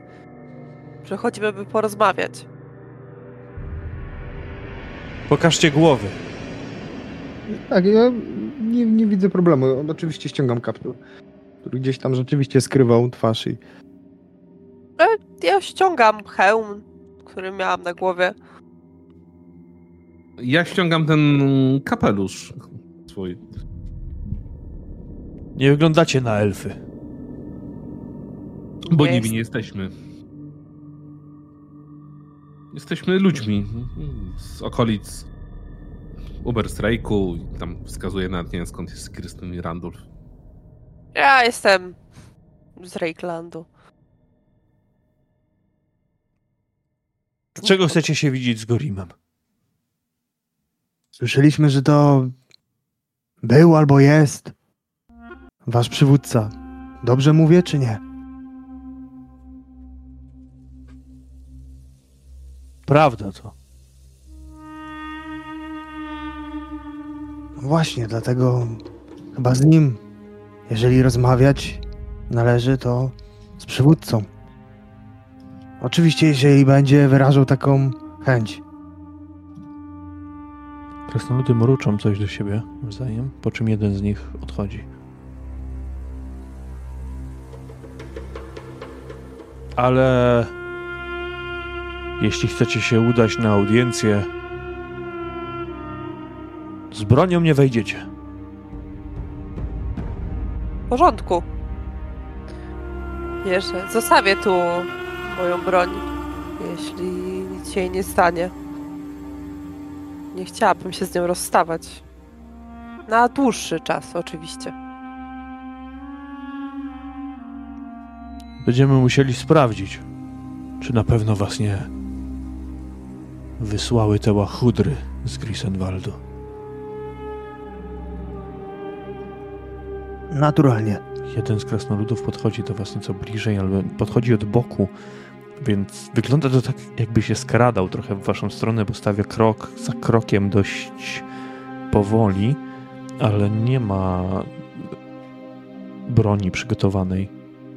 Młot, który Jakby- ma na plecach, on cały czas spoczywa, ale on wyciąga ręce trochę w waszą stronę. Obszukać muszę. Ja stoję tak. Ja tą powłócznie, mam, beczułkę mam tak. odkładam. Dwa sztylety przy sobie mam.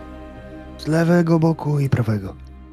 Ja odwłócznie stawiam tak, że do- odległości, że musiałabym wykonać naprawdę taki większy, większy już ruch, który by go e, od razu zaalarmował. Włócznie, Mm. sztylet i miecz. Ja odkładam tą, tą, tą beczułkę, wyciągam te dwa miecze, tak wywijając tak młynkami, w sensie to chodzi raczej o to, żeby pokazać jakąś tam umiejętność posługiwania się nimi i klingami, znaczy nie klingami, tylko e, rękojeściami do nich im oddaję. Zostaną wam, zostają wam zabrane przez tego krasnoluda, który niesie je w taki sposób w stronę jednej z chat, a następnie odkłada je na schodach, po prostu obok jednej z kobiet krasnoludzkich. Gorim zgodził się z wami zobaczyć, słyszycie od drugiej strony. Weźcie podarki i chodźcie w moją stronę. Ja Pytam beczułkę i Ruszacie w stronę drewnianej chaty, która nie ma przy sobie żadnych ochroniarzy, ani nie wyróżnia się niczym specjalnym. Może nawet ten krasnolud zajął domostwo, które nie będzie się jako pierwsze rzucało w oczy jako siedziba. Jest zapuszczone. Drzwi są dość niskie, dlatego kiedy przechodzicie przez nie, musicie się schylić. Kiedy wzrok przyzwyczaja się do ciemności, do półmroku, zaczynacie widzieć pierwsze kształty. Ściany ozdobione są co prawda płonącymi pochodniami, ale dym mocno gryzie w oczy i w gardło, ponieważ drzwi tuż za drzwiami wszystko było przesłonięte skórami. Na podłodze także porozkładano wilcze futra z dziurami wyżartymi przez jakieś robactwo. Zapach piżma roznosi się wraz z dymem, a w powietrzu tańczą ćmy, wzruszone wejściem nowych osób do środka. Chciałbym, żebyście przetestowali swoją odporność w tym miejscu. Bez żadnego bonusu.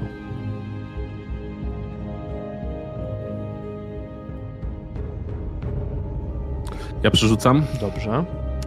To jest minus 3 ze strony Kirstyn, na razie krytyczna porażka u Johana i porażka znowu u Johana, Johana. po przeżyciu, ale minus 1. Ale minus jeden, tak.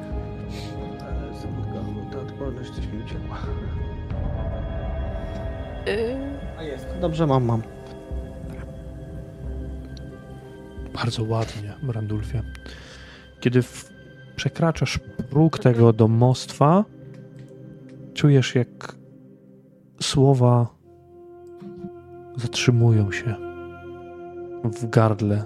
Musisz głośno odchrząknąć, żeby cokolwiek móc powiedzieć, ale Johan i Kirstyn za tobą zaczynają kaszleć. To jest atak kaszlu, jakbyście mieli wypluć własne płuca w pewnym momencie. Nie macie odruchu wymiotnego, ale po prostu tak zaczęło was drapać, że nie jesteście w stanie praktycznie nic powiedzieć. To jednak zaalarmowało, jakby po- potwierdziło waszą obecność w tym miejscu i słyszycie niski, władczy głos dobiegający od strony krasnoluda o potężnej wręcz posturze. Jego włosy i broda są jasno-rude. W międzyczasie poproszę ciebie, Randulfie, o rzut na percepcję na plus 20.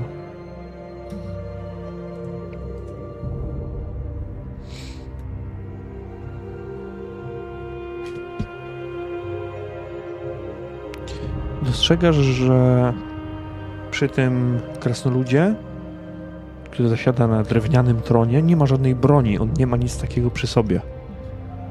Choć zdaje się, że powinien ją mieć. No, włazić. I przestańcie mi tu kaszleć. Musicie się przyzwyczaić do dobrego powietrza.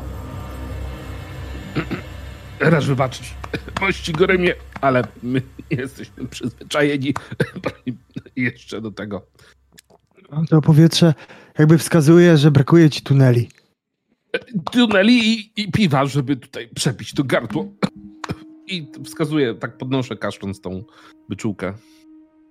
Krasnolud siedzący na tronie wskazuje ręką czwórce zbrojnych, która stoi obok niego, żeby podeszli i odebrali podarki, które przynosicie. Podejdźcie bliżej, tak żebym mógł was ujrzeć. Ja zbliżam się, tak jakby bez wahania. Czyli czego chcecie? Znowu kilku ludzi z Grisenwaldu jest niezadowolonych, bo kilku innych dawi nie chce im wejść do życi tak jak tamci by chcieli? Tym razem nie chcą przyjść z pochodniami i wziąć nas na widły? Jeśli chcą, odpowiemy z całą naszą siłą i rozpierdolimy im tę budę po fundament. Kamień na kamieniu się nie ostanie. Jest tak, jak, jak mówisz. Zaiste ludzie chcą wziąć was na widły. Co nie wątpię, że skończyłoby się krwawą jadką. A ja miałbym tu dużo roboty. Bo jestem tu z przyjaciółmi przyjazdem. A nie chciałeś jechać dalej. Zgadzam się. Powinienem jechać dalej. Jednak.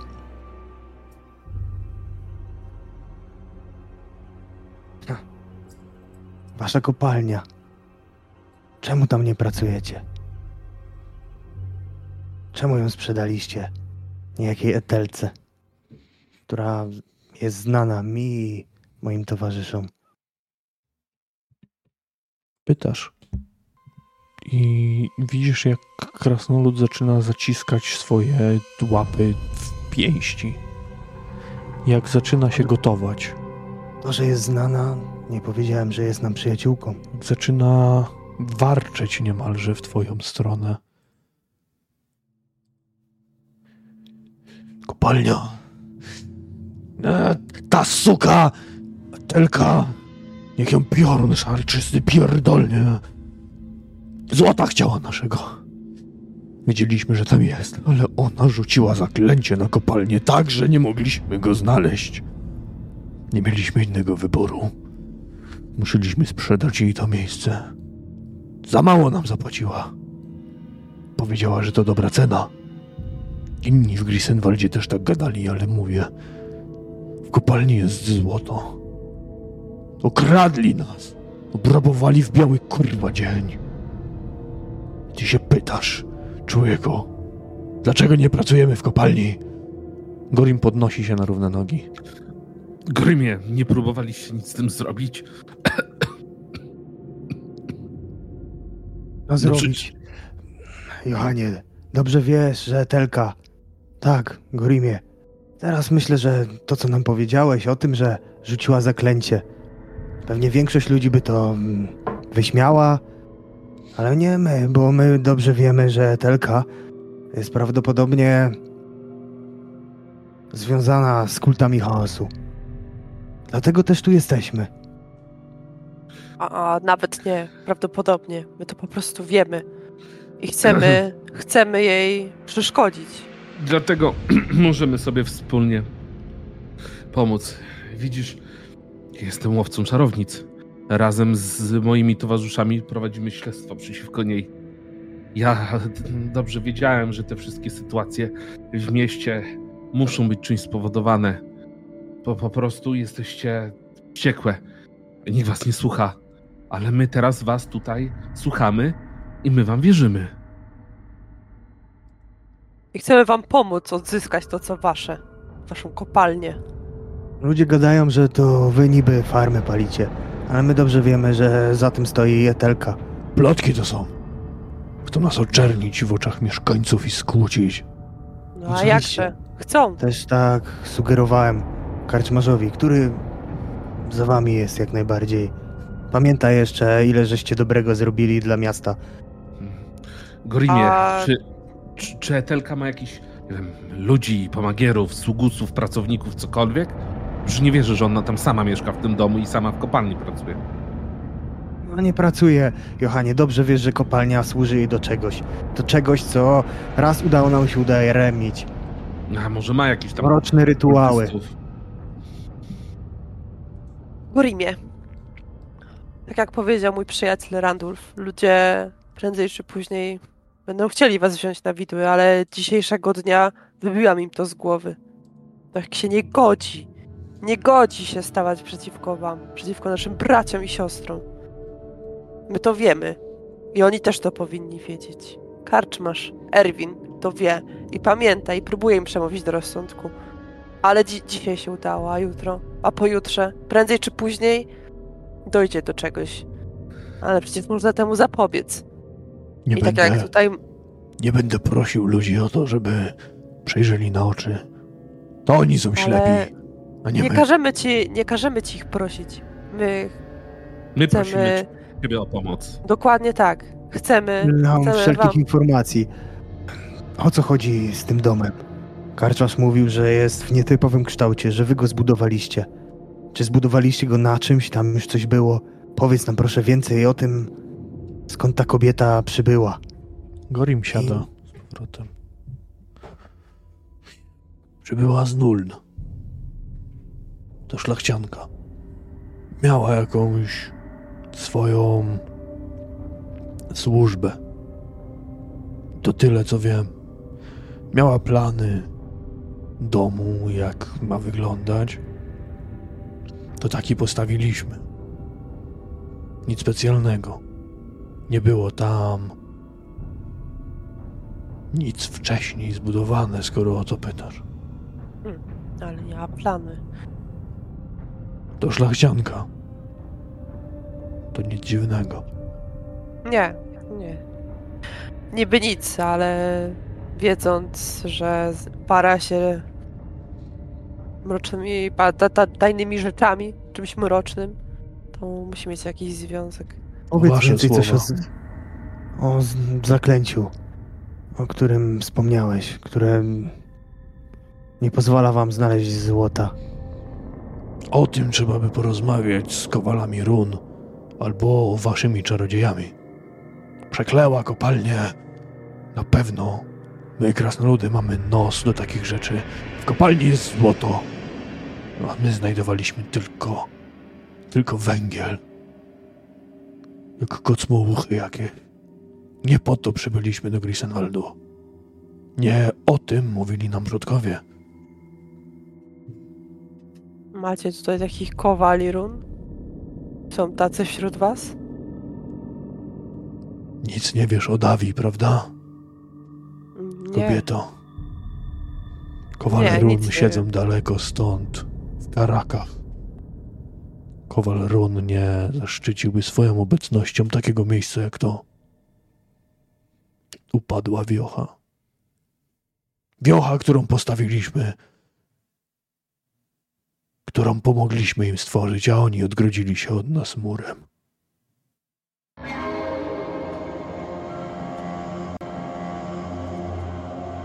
Gorimie, a- Wasze rozgoryczenie. Czy ta gorycz i ta złość? Widać, że was palą. Nie chcecie odzyskać co wasze? Kopalnia jest wasza. Czy sprzedaliście, czy nie, przekleła ją. Sam tak powiedziałeś. Chcieliśmy, ale jest nas coraz mniej. Nie spodziewałem się tego, że kilku zwykłych ludzi będzie chciało nam pomóc. Ale myślę, że skoro jesteście tacy pomocni, to wy moglibyście odwiedzić czarne szczyty i sprawdzić, co tam się do cholery dzieje.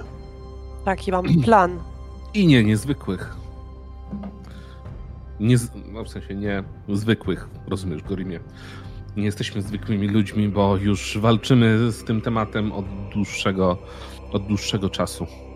I muszę powiedzieć, że ludzie mogą mówić sobie, co chcą o was, a ja się cieszę, że do, wraz z krasnoludami może staniemy, może nie w ramię w ramię, ale dalej będziemy współpracować, by wytępić te, to plugastwo z Imperium. Możecie stanąć ramię w ramię, bo mogę wam dać kilku chłopaków do pomocy. Trzech na ten przykład. Ale każdy woła sobie dwa szylingi od ełba za dzień tyrki. Ile zapłacimy więc? To uczciwa cena. Za ciężką i niebezpieczną pracę. Torn! Zbierz Gutraka, Wudgara i Skargona pójdą z ludźmi na czarne szczyty. Wykonają zadanie, które wcześniej zleciłem. Powiedz im od razu, bo wiem, że będą pytać. Nie ma wśród nich elfów. Moi ludzie, moje krasnoludy, zbadają farmy. I to wam też radzę. Te spalone. Nie przyłożyliśmy do tego ręki, a ludzie myślą, że to my. Ja tak rzucam weter, że e, jeżeli to jest, one są w, w lasach albo na pograniczu lasu, może zwierzę ludzie? Trzeba będzie to sprawdzić. Albo jakieś monstra wpuszczone Nie, przez to nie przypadek. To nie przypadek, ewidentnie. Ktoś chce skłócić e, ludzi z krasnoludami i doprowadzić do jatki. No tak. Może Etelka właśnie kontroluje, czy te monstra, czy mówiła, czy zwierzę ludzi, ale to A warto sprawdzić. Gorimie, a ten dom. I sama Etelka. Nie powiem, ale myślałem, żeby tam po prostu się udać. Jest jakieś inne wejście, albo ukryty tunel, albo coś podobnego, czy tylko jedno wejście przez drzwi? Nic takiego nie kojarzę. Przynajmniej my nic takiego nie wznosiliśmy. Zwykły dom. Nie wiem, czemu tak drążycie ten temat. Chociaż mogę próbować zrozumieć, że macie już z takimi ludźmi na pieńku. Tak chyba nic wam nie powiem. Dla mnie najważniejsze jest to, aby mnie i mój lud oczyścić z zarzutów. Jeśli dokonacie tej. tego cudu, wtedy pomożemy wam z całą naszą mocą. Dobrze, to w zrobimy. takim razie, żeby być tutaj też yy, transparentnymi i na znak przyjaźni i szczerości, chcę wspomnieć o pewnym incydencie, który miał miejsce w, w mieście. Dwóch yy, waszych ludzi, yy, no cóż, tutaj poprztykało się z Kirstyn. Yy, dwóch waszych krasnoludów, no, dwóch waszych krasnoludów poprztykało się yy, z Kirstyn. No cóż, trochę ją pogruchotali i straż miejska zamknęła ich, ich na noc. To tylko chciałem, żebyście usłyszeli to od nas, a, a nie od kogoś innego, czy żebyście się nie zdziwili, kiedy nas jutro wrócą i opowiedzą wam jakąś historię. Krzywdy im zrobić nie chciałam. A do bitki się pchali. I tu, o. Sam zobaczyć możesz. Ja im nic nie zrobiłam. A oni prawie mi u, u, prawie mnie ręki pozbawili. Bo moje krasne ludy są silne. Prawda Chociaż to? niektóre zakute łby mają. Ale w porządku. Zapamiętam to. I kiedy wrócą, zapytam o ich wersję. Niemniej jednak prośbę będziemy mieć, żeby do czasu, kiedy nie wrócimy, powstrzymajcie się od, miejmy nadzieję, jakiejkolwiek rzeźni z ludźmi. Może raczej po prostu nie zapuszczajcie się i nawet nie prowokujcie ich samą swoją obecnością. Oni raczej przybyć do was nie powinni. Z tego, co wynikało z karczmy, w karczmie, oni jakieś głosowania robią za sprawami ważnymi. Takiego głosowania nie było.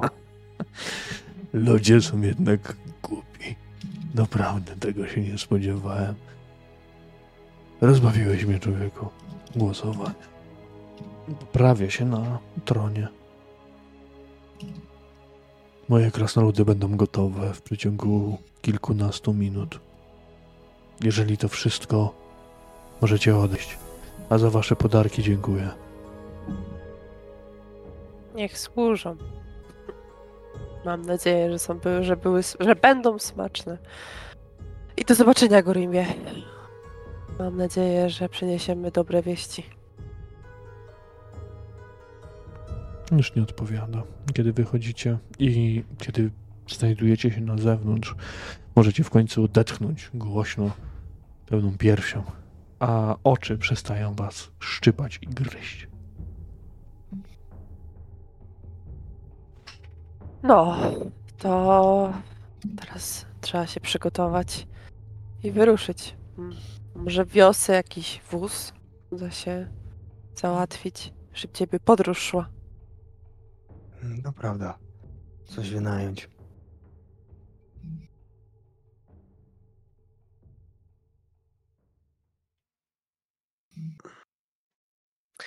Chodźmy odebrać naszą broń w takim razie. To będziemy tutaj tak stać. Znajdą nas przecież.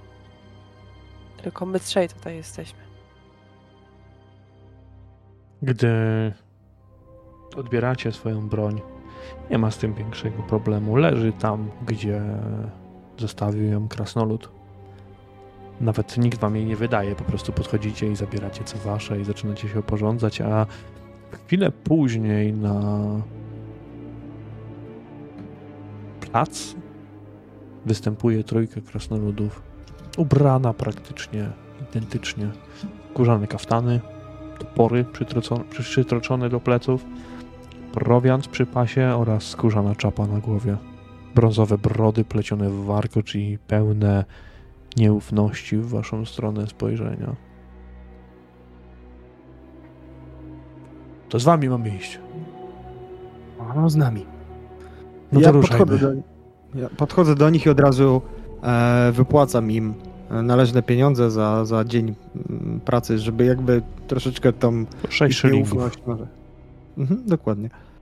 Y, I oni się nazywali Futrox, Korgan i... Gutrak, Wudgar i Skargon.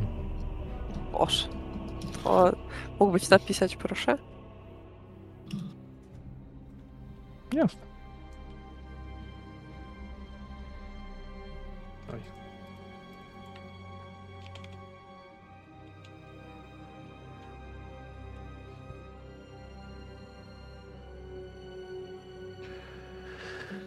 Wokół Grisenwaldu leży 11 małych farm.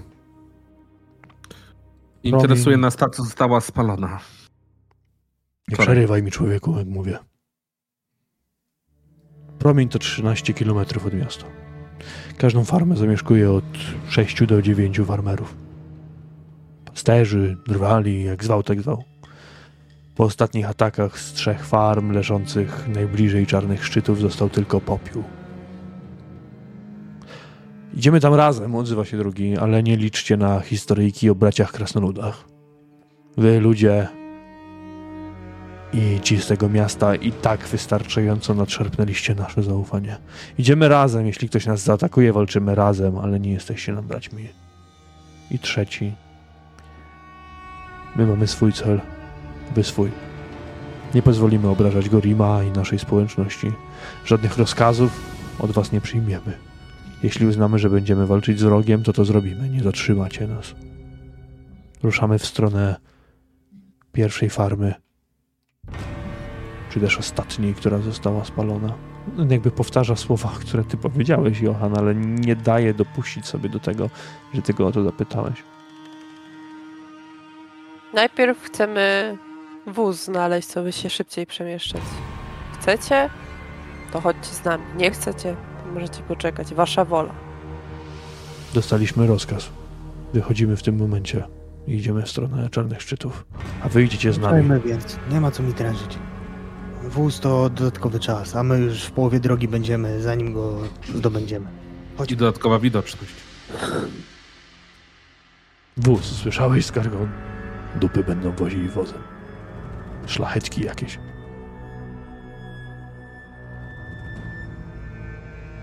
Kiedy opuściliście granicę Kazit-Slumbol, teren na południe zaczął się coraz bardziej wywyższać. Minęliście pierwszą część gęstego lasu po swojej lewej stronie, wraz z nim pierwsze gospodarstwa i domy drwali. Porozrzucone po okolicznych, pomniejszych poletkach chaty były niczym punkty orientacyjne. Do każdego z nich prowadziła osobna dróżka odbiegająca od głównego traktu. Traktu, który był wyboisty, kamienisty. I zdaliście sobie sprawę w pewnej chwili, że wybranie wozu jeszcze tutaj mogłoby stanowić większy problem niż się wydawało. Nieco dalej na południe weszliście już naprawdę gęstą ścianę lasu, a ścieżka coraz bardziej prowadziła wzwyż. Już teraz pośród drzew pojawiały się pomniejsze rozgałęzienia. Podróżowaliście w ciszy, na pewno ze strony krasnoludów, które nic nie mówiły, ale szły równo, szły szybciej niż wy. Około godziny później zauważyliście przed sobą na polanie czarne zgliszcza jednego z gospodarstw. Płot został wyłamany w kilku miejscach. Duży fragment pola przylegający do lasu poszedł z dymem, zostawiając jedynie ciemną, martwą ziemię pokrytą popiołem. Szkielet domu miejscami zapadnięty ział ciszą i pustką. Nie było tu żadnych ciał. Jedynie studia, studnia, przepraszam, z napiętym sznurem, świadcząca o tym, że wiadro jest zanurzone głęboko w niej. Kilka kałuż oraz ciemne, zastygłe miejscami masy błota na obejściu to to, co was przywitało. Do gospodarstwa przylega również fragment lasu, za którym prawdopodobnie także znajduje się rzeka. Zagroda od strony lasu również została przełamana. No, to rozejrzyjmy się tutaj. Zobaczmy, co bracia krasnoludy potrafią zrobić według ludzi. Rzucił w końcu jeden z krasnoludów, które rozeszły się po tym terenie. Ja również dołączam do, do nich, jakby może pierwsze kroki bym zgliszcza kierował i szukam czegoś, co, co mogłem już widzieć wcześniej, e, co może sugerować o nie wiem, jakiejś bytności kultu, jakiś znak, no nie wiem, no cokolwiek, co będzie bardziej um, odróżniać się od tego, co, co nie pasuje do takiego miejsca jak zgliszcza. Jakiś... Ja bym bardziej chciał się dookoła rozejrzeć, właśnie dookoła tych zgliszcz, poszukując może jakichś śladów, odcisków w ziemi, pomimo że nie znam się na tym tropieniu, no ale może się uda. A ja bym chciała podejść do studni nabrać się, wciągnąć to wiadro i zobaczyć, czy ta woda ma jakiś troszkę się i napić taki dziwny smak, nie, nie przełykać. Jestem ciekawa, czy ona jest jakaś zatruta, coś jest z nią nie tak. Mm, dobrze, wszystkich Was będę prosił o test percepcji bez żadnego modyfikatora dodatniego ani ujemnego.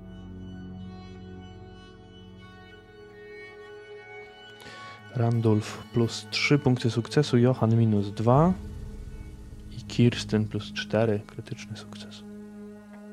Dobrze.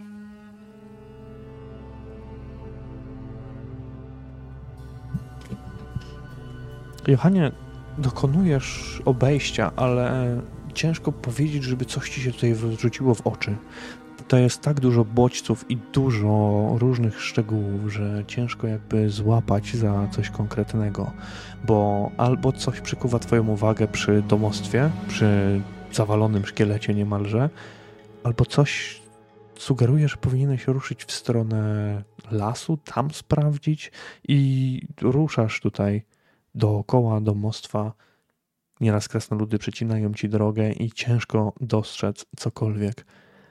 Ale Kirsten, ty podchodząc do studni, zaczynasz kręcić wiadrem. Przepraszam, korbą, wyciągając wiadro. z niej. I gdy jest ono już na samej górze, łapiesz, podbierasz je i wyciągasz na zewnątrz. Nie pijesz tej wody. Nie pijesz tej wody, ponieważ zauważasz na tafli kiel włosów, unoszące się włosy, a w środku głowę, która znalazła się tam po dekapitacji i ktoś tę głowę wrzucił do studni razem z wiadrem. To ludzka głowa, głowa mężczyzny. Cofasz się momentalnie, widząc to. Chciałbym, żebyś rzuciła test opanowania.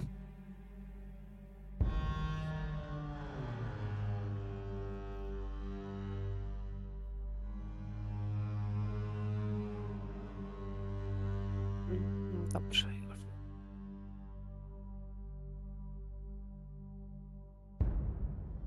No nie udało się. To skutkuje mimo wszystko jednym punktem zepsucia, który wkrada się gdzieś w Twoją stronę z Twojego umysłu. Ale kiedy puszczasz to wiadro, które upada z plaśnięciem na grunt, potykasz się o coś. Potykasz się mi to o jakiś kij, ale kiedy lądujesz na tyłku w błocie, chwytasz ręką za coś, co jest rękojeścią miecza. Krótkiego, zakrzywionego ostrza. Coś jakby długiego noża. Leżał teraz w błocie, jakby przyciśnięty jakąś deską. Podnoszę naturalnie, gramolę się z tej ziemi, podnosząc też ten, ten oręż. I wzam sobie dwa palce w usta i gwiżdżę, tak żeby zwrócić uwagę wszystkich, nie będę teraz się wydzierać. Tylko nie Randulfa, Randulf będzie miał coś innego, jakby co. Ale też zależy mi na tym, żeby te, ci krasnoludowie się też zainteresowali tym, co ja znalazłam.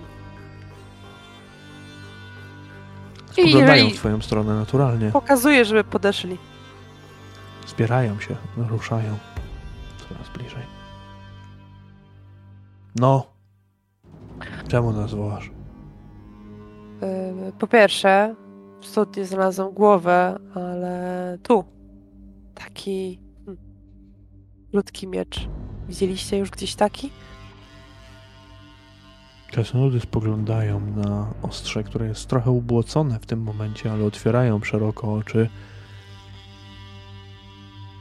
Zostaw to. Odrzuć, wyrzuć to. Rzuć to w błoto, to jest... I tutaj przejdziemy do Randulfa, który... Kiedy wszedłeś na pierwsze stopnie spalonego domostwa, nie znalazłeś, nie zauważyłeś niczego, żadnego fragmentu wpływu mrocznych potek, żadnego symbolu. Jednakże zauważyłeś ślady odbite w tym błocie, jakby małych stóp prowadzących w stronę lasu przez rozbitą zagrodę, prowadzących nieco dalej jeszcze dalej. Musiałbyś wejść do lasu, żeby to sprawdzić. Nie, ja zdecydowanie po prostu mm, zwracam oczywiście uwagę na te, te, nawet pochylam się nad tym śladem, uważając jednym, drugim, trzecim, no mówisz, że, że prowadzą do lasu, ale chcę się przyjrzeć, czy kiedykolwiek coś takiego spotkałem. No, tak pierwsze głupia może myśl, niziołek, nie? Jakieś, ale... Widziałeś coś takiego. W Byggenhafen. Takie ślady zostawiał trójnogi goblin. To broń goblinów. Zielonoskórzy, zostaw to. Odrzuć. Czyli wiemy już, co pali wioski. Tutaj są ślady. Prowadzą do lasu. To, to jako dowód trzeba zabrać. Waszej niewinności przecież. Ja tego dotykać nie będę. Myślicie w takim razie, że co, że co, gobliny współpracują z Telką? Że to chyba niemożliwe. Z chaosem się, pa, się wiąże, a i tu przecież zielonoskórzy. Z chaosem też są związani. Jak tak, najbardziej to jest możliwe, kwestia. że się mogą. Ja to biorę. Dobrze. Czekaj, e, ale wiesz, jakąś, mam jakąś, jakieś onuce, coś takiego, jakiś kawałek materiału. Chcę zapakować to po prostu do, do mojego plecaka, ale owinąć to. to wytrzeć też najpierw, to jest całe w no, błocie. No tak, no oczywiście. Nawet w tej, wiesz co, tę, tę głowę gdzieś wyciągam, no i prze, prze, prze, prze, prze, prze, prze, prze to, dokładnie Dobra. to słowo. Jeden z krasnoludów z podchodzi nieco bliżej tutaj do Randulfa. Łapska.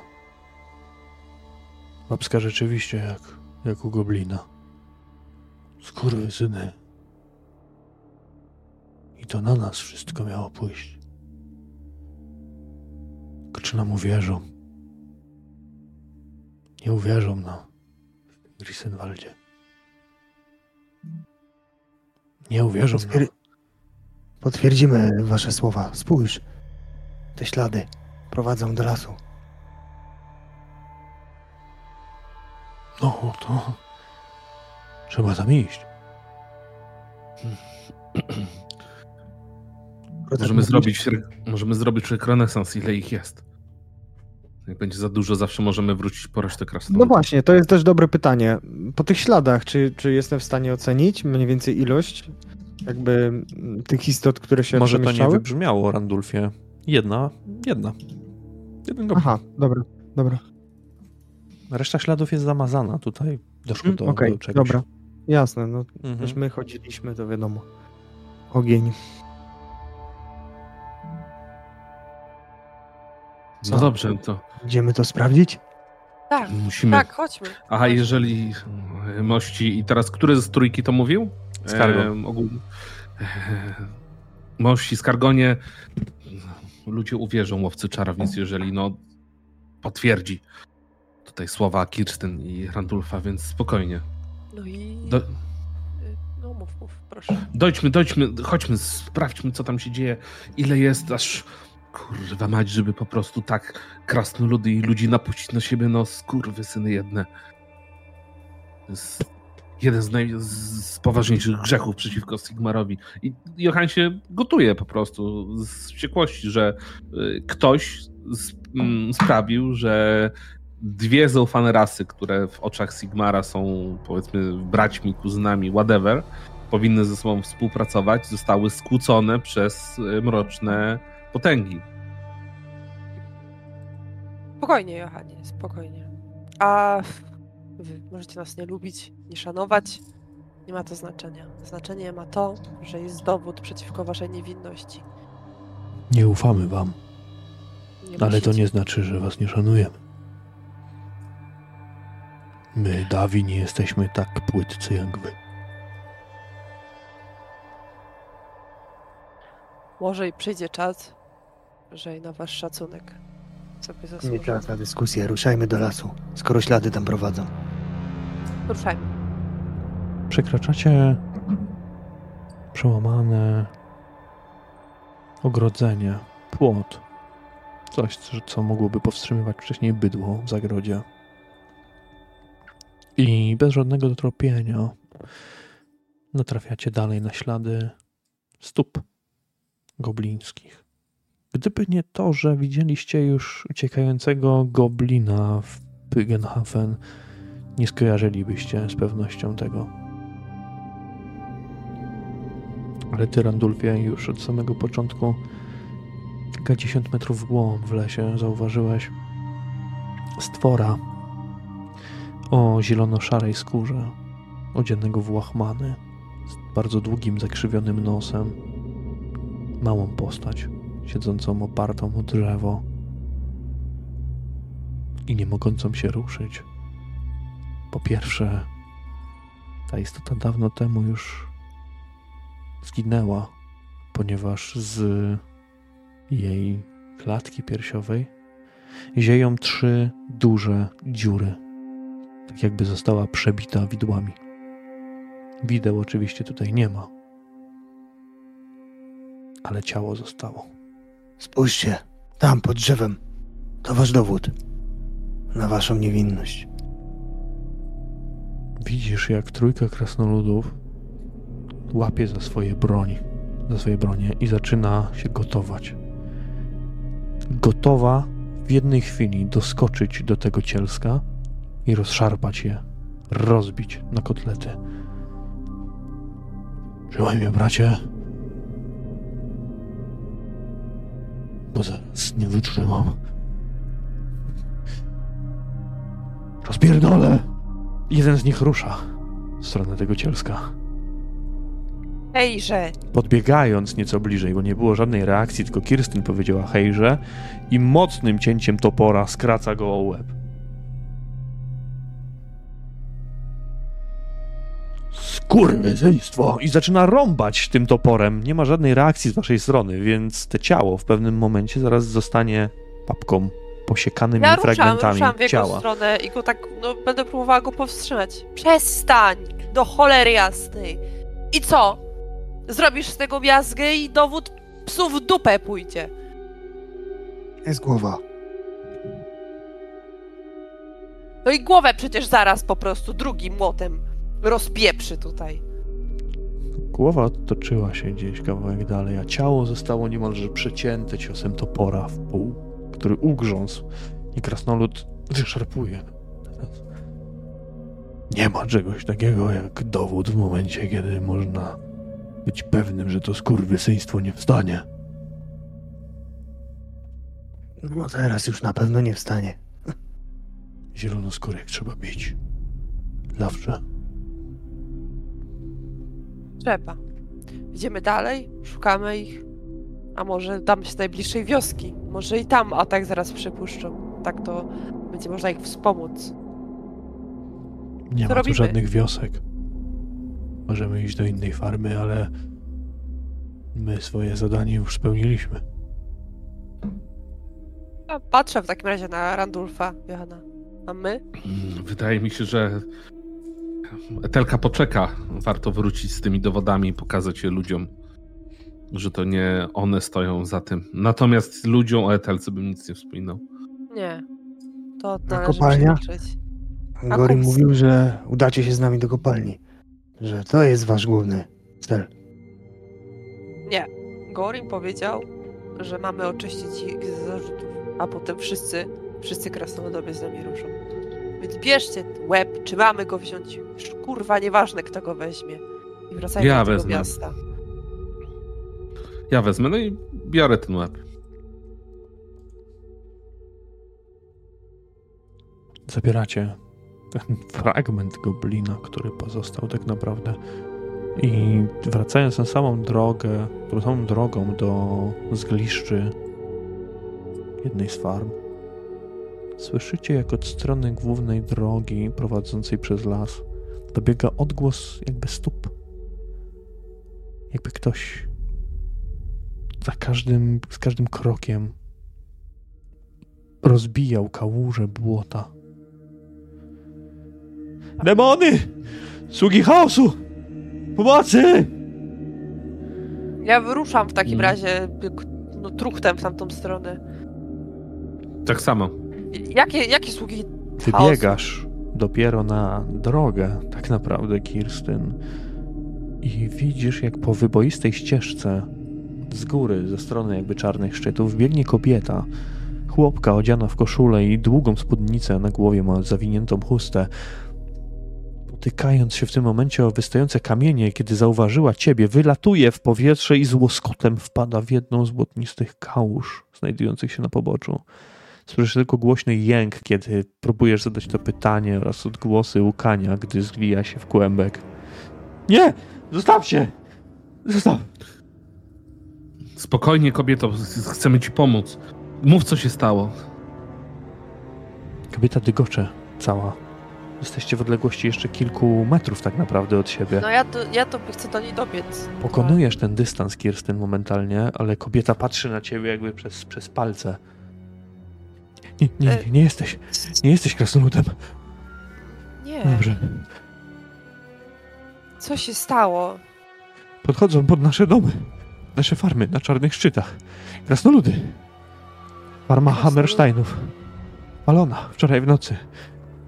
Ledwo oczy otworzyliśmy, a z lasu pomruki, jakie takie było słychać.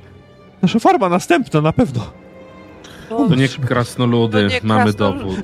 To one! Ona wskazuje ręką w stronę krasnoludów, które też wychodzą na, na ścieżkę i zaczyna się cofać. Ja ją łapię, ła, łapię ją za, za Nie, ramiona. Spokojnie, nie. spokojnie, halo, hej, że... Nasze chłopy na ostrzą siekiery, co wy wam łby po samej, przy samej życi poodrabać. Spokojnie, kobieto, kobieto. jestem łowcą czarownic. A! Ona krzyczy, kiedy mówisz, że jesteś mocą czarownic. Te krasnoludy są niewinne i mamy na to dowód. Mów spokojnie, Nie. co słyszałaś. Nie, nie bijcie, jestem niewinna. Nie zrobiłam. To ja w tylko takim razie po powiedz, pomoc. Ludzie, to w dobrze. takim razie powiedz, co się stało dokładnie. Tylko pomruki słyszeliście? Widzieliście coś? Od strony lasu. Takie y, głośne. Jakby warczenie. Ludzie, dobrze, kochani, pomóżcie. My nie mamy pieniędzy. Ale pomrzeć tak spalonymi przez krasnoludy? No nie zostawiajcie No, nas, błagam. Żadne krasnoludy, a gobliny. Słuchajcie, może, może chodźmy tam od razu i zwracam się w kierunku tej trójki. Ja wiem, że oni to zwalają na was, ale teraz macie możliwość udowodnić im, że się mylą. Pomóżcie nam zobaczyć, co tam się dzieje. A jak będą jacyś zielonoskórzy, to pomóżcie nam ich wykończyć. Poproszę od ciebie rzut na charyzmę. Ale na plus zero.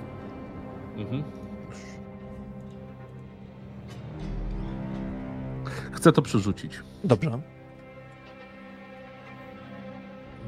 Jeszcze raz. charyzma. To jest dobry wydany punkt szczęścia. Mhm.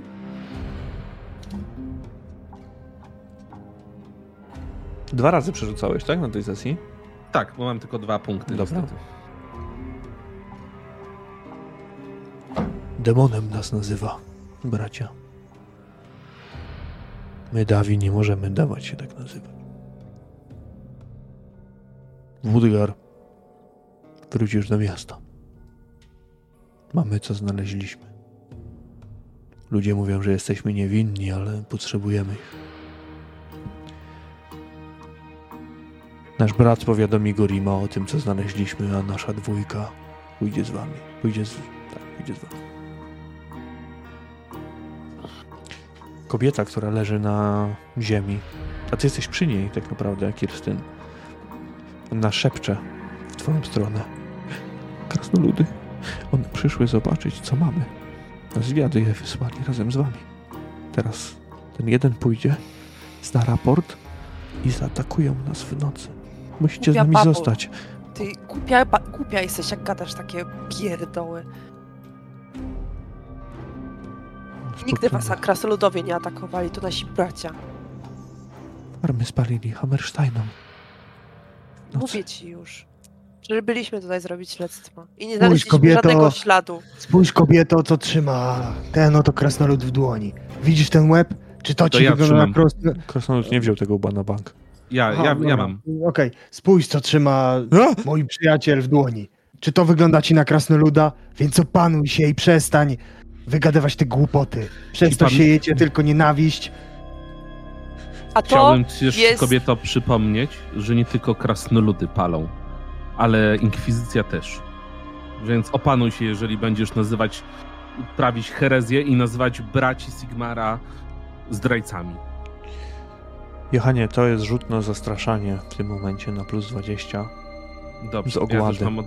Dobrze, ja też od razu tylko sobie rzucę, bo mam e, talent w związku z tym, Jaki? więc rzucę. E, właśnie już zalinkowałem, jest groźny, e, ale to chyba dopiero jak w. Jak wejdzie. Tak, tak. E, z, zastraszanie, ale mówisz, że ty z ogłady, tak? Czyli ogłady. Rzucę w takim ra- tak. To rzucę na czystą ogładę w takim razie. Ogładę i mówiłeś plus Możesz 20. zmienić przecież tam opcję, z czego jest Tak, rzut. tak, A, Klikasz na S. cechę po prostu. A, w sumie tak. E, to tego nie widziałem. Czekajcie, czekajcie, czekajcie. Ogłada. Y, zastraszanie, Boże. Tak. Patrzcie. Ogłada, zastraszanie, rzuć. Memory 5, 20. No Udało i ci plus się. jeszcze jeden. Plus 6 tak naprawdę. Ja, ja nie chcę. Ja nie na stos, na jaki ogień, inkwizycja. dobrzy ludzie na Sigmara. Przecież tak nie To- można. To nie No to- rozsiewaj w takim razie takich plotek. To ci przez gardło nie powinno przechodzić. Teraz Sigmara zaklinasz, ale pierwsza jesteś, żeby nienawiść wśród krasoludów szerzyć. Wobec Dobra, krasoludów. kobieto, gdzie ta farma? Mów, jeżeli twoje chłopy mają żyć. Albo prowadź najlepiej. Y, Dobrze. Dobrze, poprowadzę. Kobieta jest ewidentnie w szoku. Jeszcze wy na nią nakrzyczeliście tak naprawdę. Oczywiście mieliście swoje powody, ale to, co widziała albo słyszała i to, jakie plotki krążą dookoła Grisenwaldu, to, to drugie. Kobieta podnosi się, jest cała babrana w błocie i pokazuje ręką na jedną, jedną z odnóg jakby prowadzących w głąb lasu. Nie w stronę czarnych szczytów tak naprawdę, a w kierunku zachodnim, jakby odchodzącym dalej w stronę lasu. Tam ja mogę, ja mogę poprowadzić. No to prowadź. To dobrze. Jak już idziemy, no to ja jej chcę dać jakiś, wiesz, bukłak z wodą. Na pewno jest spragniona. Też dopytuję się jej, czy no, no, jest ranna, czegoś jej potrzeba. I ilu was tam jest na tej farmie? Jest Dieter, mój mąż, Siegfried i Gerd, synowie nasi. Mamy cepy do obrony i siekiery są. Są też dzieci i, i inne inne niewiasty.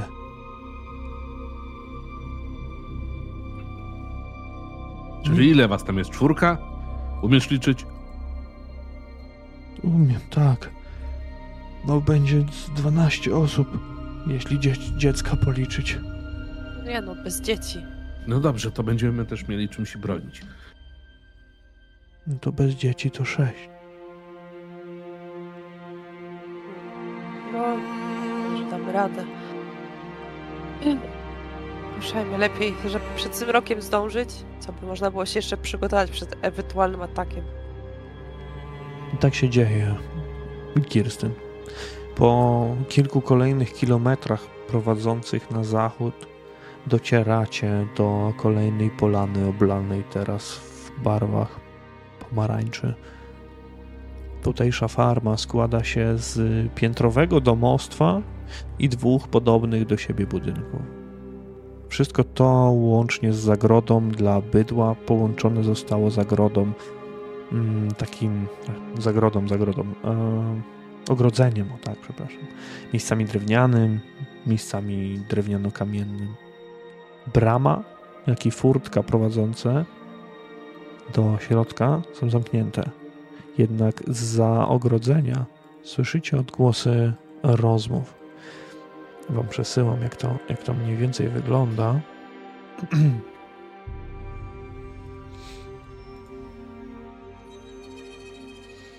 Przerzucam wam także rzut taki z góry. To jest zamknięte gospodarstwo jakby. Mhm. Dobra. Mm. Macie bramę. Budynek oznaczony numerem 5 to są stajnie. Czwórka to jest stodoła. Wy idziecie od strony si- siódemki, czyli od strony bramy, tak jakby. No i ten budynek, gdzie jest 1 i 2, no to jest pokój, y, pokój to jest yy, zwykłe domostwo, a trójka to jest zagroda dla bydła. Wkraczacie w obręb tej farmy. To tu, po farma nasza. E, my, Pruderbachowie, mieszkamy tutaj od pokoleń. To nasze całe życie. Nie możemy tego stracić. Chociaż mówili nam, że powinniśmy się wynieść, uciec stąd jak najdalej. Kto wam mówił? No, no ludzie, którzy plotkują o tych krasno... y, o tych złych, co... co, co napadają. Prowadź lepiej do Mhm. twojego męża. Trzeba się tutaj zbroić, przygotować na to, co ma nadejść. A ty i reszta kobiet, które nie będą w stanie walczyć. Dzieci zbierzcie, schowajcie się gdzieś w jakiejś piwnicy. Albo jakąś strawę przyszykujcie. Cały dzień łazimy po tych farmach. Tak, tak, przyszykujemy. Kiedy wkraczacie na środek tego obejścia, widzicie trójkę mężczyzn. Jednego starszego, może takiego w kwiecie wieku, którzy szykują broń, siekiery, cepy, które służą do młócenia. Spoglądają na was z nutą nieufności, ale jednocześnie z nutą nadziei. Nieufność powodują krasnoludy, które wkraczają za wami. Momentalnie gromadka dzieci zostaje wprowadzona do chaty przez kilka niewiast. Na środku podwórza stoi odpięty powóz. Ze stajni słyszycie ciche rżenie konia. Ze stodoły roznosi się gwar, kwik kilku świń, które zostały świeżo nakarmione, a z otwartego okna na piętrze budynku tej stodoły wysypują się resztki pozimowego siana. Rzędobylskie błoto oblepia wasze buty i nogawki, a w tym momencie delikatnie, delikatnie zaczyna padać deszcz. Mężczyzna, który jest najstarszy, wychodzi w waszą stronę, unosząc dłoń. Witajcie, dobrzy ludzie. Wojacy? Pomożecie nam? Tak, tak. po to tu przybyliśmy. O. Witajcie. Chwała Sigmarowi, Może... dobrze, że Ankę sprowadziła pomoc. Widzę, że powóz macie z koniem. Może rozważnie byłoby posłać ich stąd. Ja bym chciał um, zrobić tak na poziom meta na początek wejść, bo ja bym chciał ocenić, um, że tak powiem, Mój plan byłby taki, że jeżeli byśmy odesłali ich faktycznie na, gdzieś tam do miasta, to żeby dać im tą głowę goblina, żeby oni przekazali to mieszkańcom, że to te stworzenia zielonoskórzy są odpowiedzialni, a nie krasnoludy za ataki na farmy, tylko no równie dobrze oni mogą gdzieś wywalić tą głowę po drodze, tak? Więc chciałbym ocenić nie więcej podczas tej rozmowy. Nie, nie mówię, że teraz, ale podczas tej sceny, jak mogę zaufać, żeby na przykład coś takiego zrobić? Ja tylko doprecyzuję, że mi chodziło o wysłanie yy, kobiet, dzieci. Ci tak, no, nie mają zostać, nie? Tak, no nawet kobietom można dać tą głowę, żeby przekazały, nie? O to, o to, o to chodzi tym ludziom. Nie, niekoniecznie w tym momencie, ale podczas dialogu czy, czy, czy jakiejś sceny, jaka wyjdzie, więc też Johan tak to już, Johanie, ty musisz sam ocenić. To już ja ci nie powiem, jak to będzie wyglądać. Okay. Ewentualnie no będziemy no mogli sobie rzucić na intuicję u Johana, żeby mhm. to jakoś wspomóc. Dobra. Ale okay. wiesz, nie powiem ci, co oni zrobią. I czy to jest dobry mhm. pomysł, czy może najpierw do krasnoludów, czy nie. Kirstyn ma rację. Kobiety i dzieci powinny, powinny stąd opuścić. My razem z krasnoludami zostaniemy i pomożemy wam w obronie waszego domostwa. Słuchajcie, teraz ludzie, bo powiem wam tylko raz. To nie krasnoludy stoją za tymi atakami. I teraz podnoszę tą głowę. To jest goblin, zielonoskórzy. To oni palą i niszczą wasze farmy. Mężczyzna patrzy na zielonoskórego, ale może nie tyle nie robi to na nim wrażenia, co kiwa głową, stając się rozumieć, co mówisz. A teraz powiedz nam, co tutaj zaszło. Twoja żona, jak nie mam, mówiła, że szepty w nocy słyszycie. I plotki jeno z okolicy. Nie wiem, co niszczy, czy krasnoludy, czy te stworzenia, które pokazujecie, mości panie, ale nieważne co by to było, my stąd nie odejdziemy. Choć dzieci, niewiasty moglibyśmy odesłać, ale pewności nie mamy, że nic ich po drodze nie napadnie przez nas. Wysłali do nas coś w rodzaju zwiadu, nie wiem co to było. W nocy było słychać pomruki, warkot jakiś, coś takiego. Pewnie wrócą do nas nocą. Tak jak wrócili do Hammersteinów, do Schneiderów i Poznerów. Do nich przyszli pod osłoną nocy.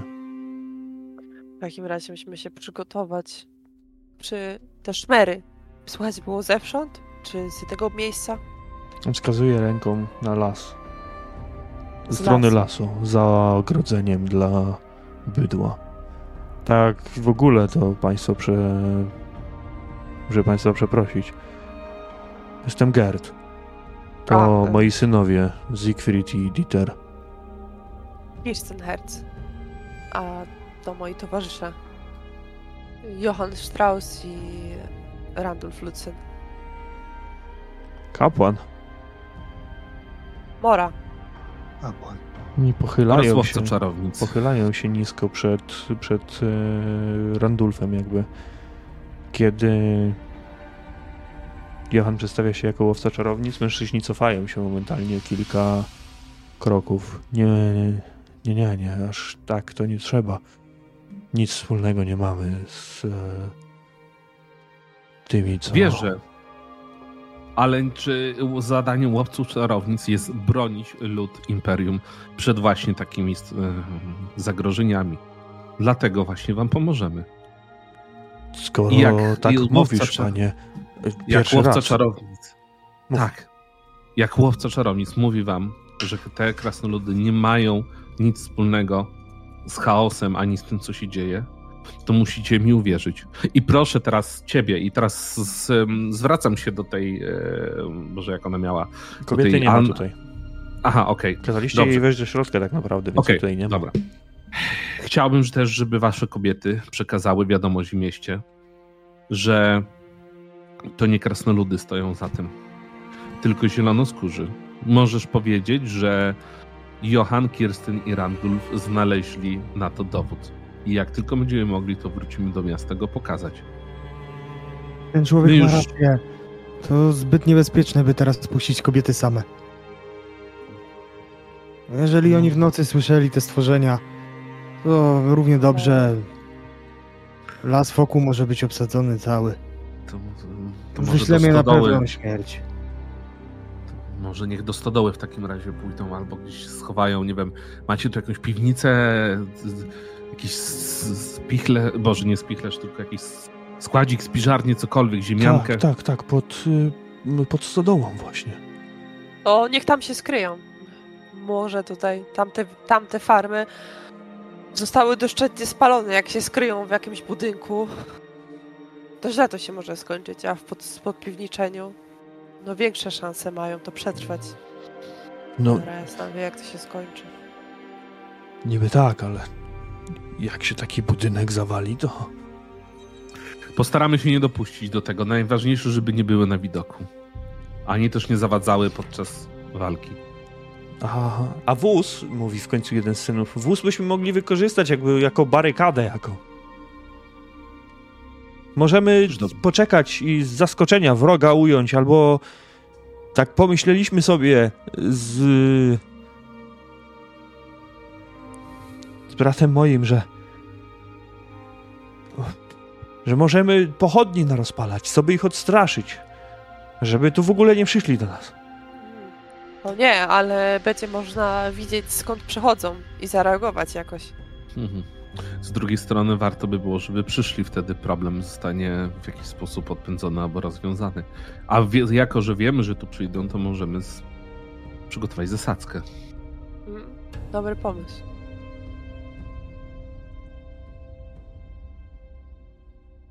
No i wydaje mi się, że jeżeli tutaj nikt nic nie ma z reszty graczy do dodania, no to możemy zacząć też się przygotowywać do tej nocy. Nie wiem, jak dużo czasu zostało, ale może, może nie wiem, no na pewno oni jakieś mają takie kije czy coś takiego, to spróbować naostrzyć jakieś alapaliki, gdzieś może powbijać przy tych, przy e, murach, gdzie najprawdopodobniej ktoś znaczy, albo coś mogłoby przeskoczyć.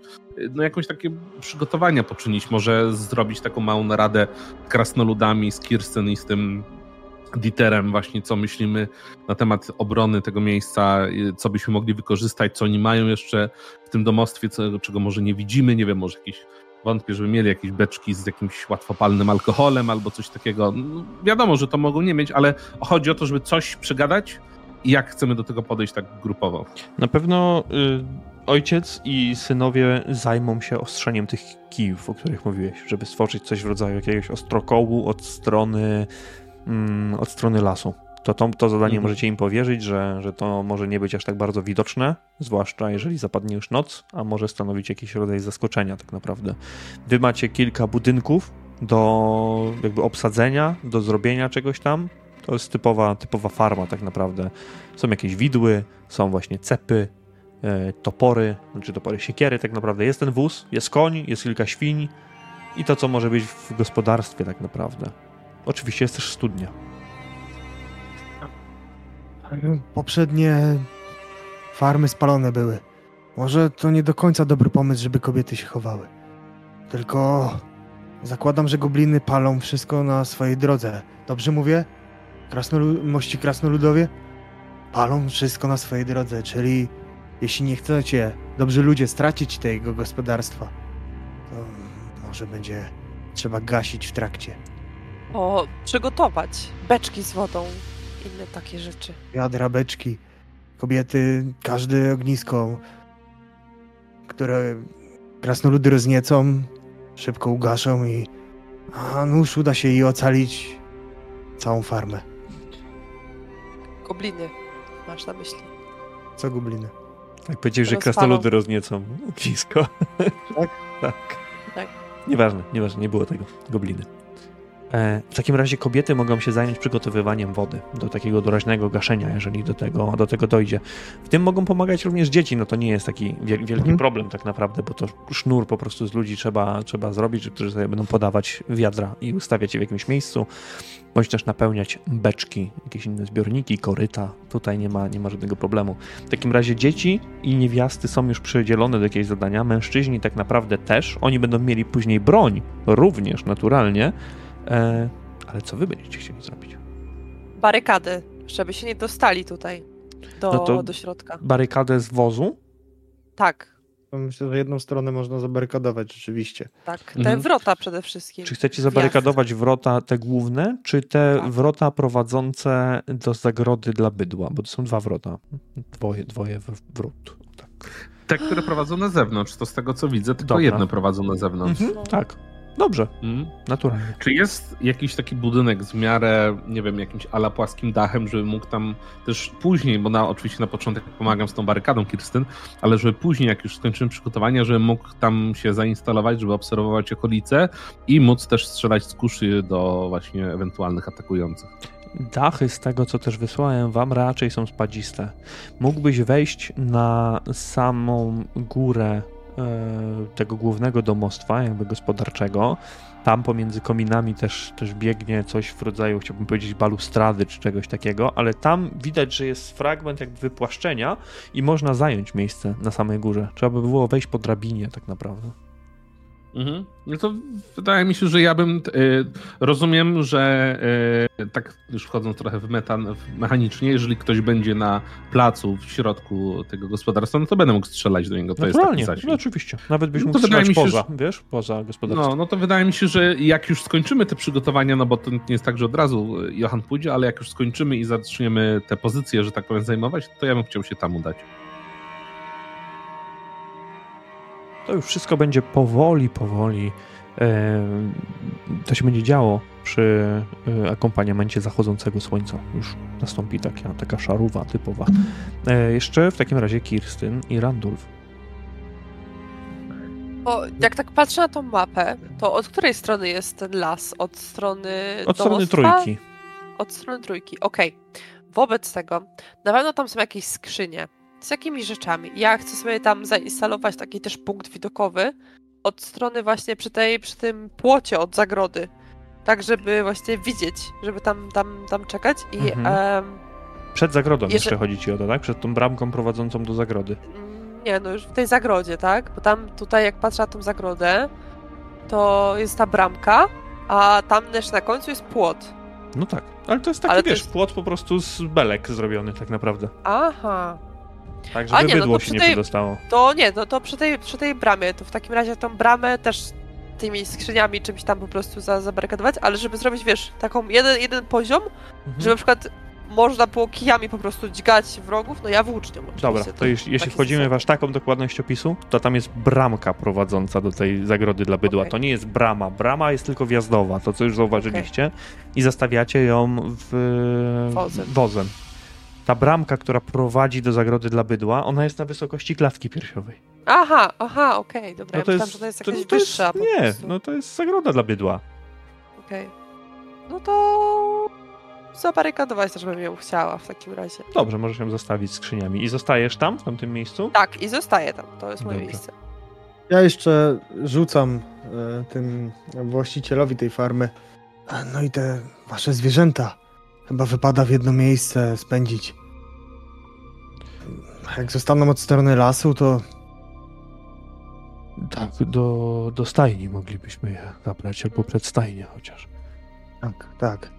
E, I tutaj mam pytanie do ciebie, Stamfi, odnośnie em, jak jest ten krzaczek taki tutaj na, na środku tego i ten pło, e, taki płot jest, nie?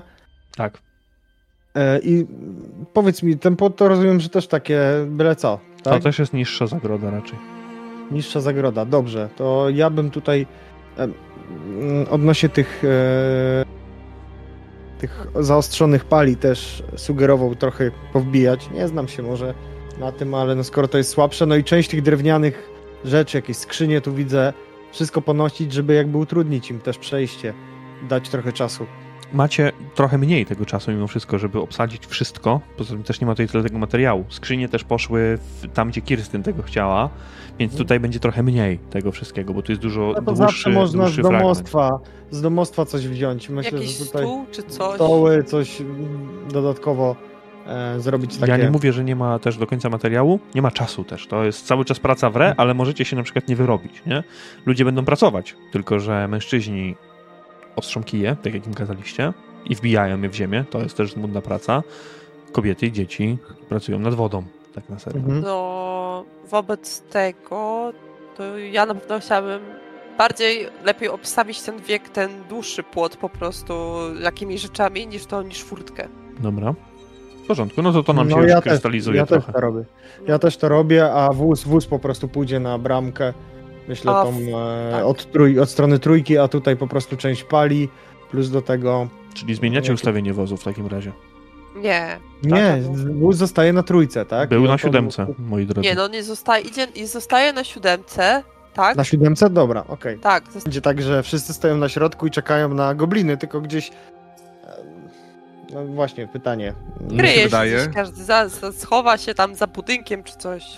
Wydaje mi się, że najlepiej do nich strzelać od razu, jak ich zobaczę, a nie No zgadza się, zgadza się, ale no tak, żeby nie stali wszyscy na środku. No jak one zaczną No już tak. biegać, to żeby mieć ten element zaskoczenia. No tak, tak, tak. Że jak zaczną wyłamywać na przykład bramę, no to wtedy, że- żeby ktoś, nie wiem, Kirsty na przykład włócznią tam jak ich dzi- dźgnęła. Chyba, że będą przeskakiwać Nie przez no, mur. Kirsten jak to- się schowa za budynkiem, to nie będzie ich dźgała, jak one No będą wyjmować no. bramę. Także musicie No, za- ja ustalić się- jedną wersję, moi drodzy, bo gadacie cały czas To ja różne zostawię. Kirsten i Radulfowi z ich, ja Dobra. będę strzelał z braż. Ja obstawiam małą furtkę. Dobrze. I Randulf.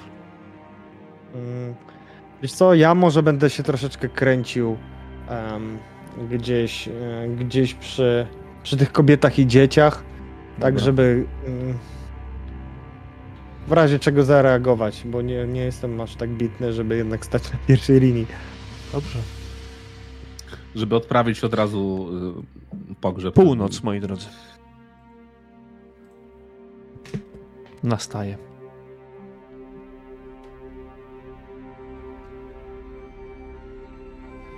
A gdzie jeszcze te krasnoludy są? Też na obejściu.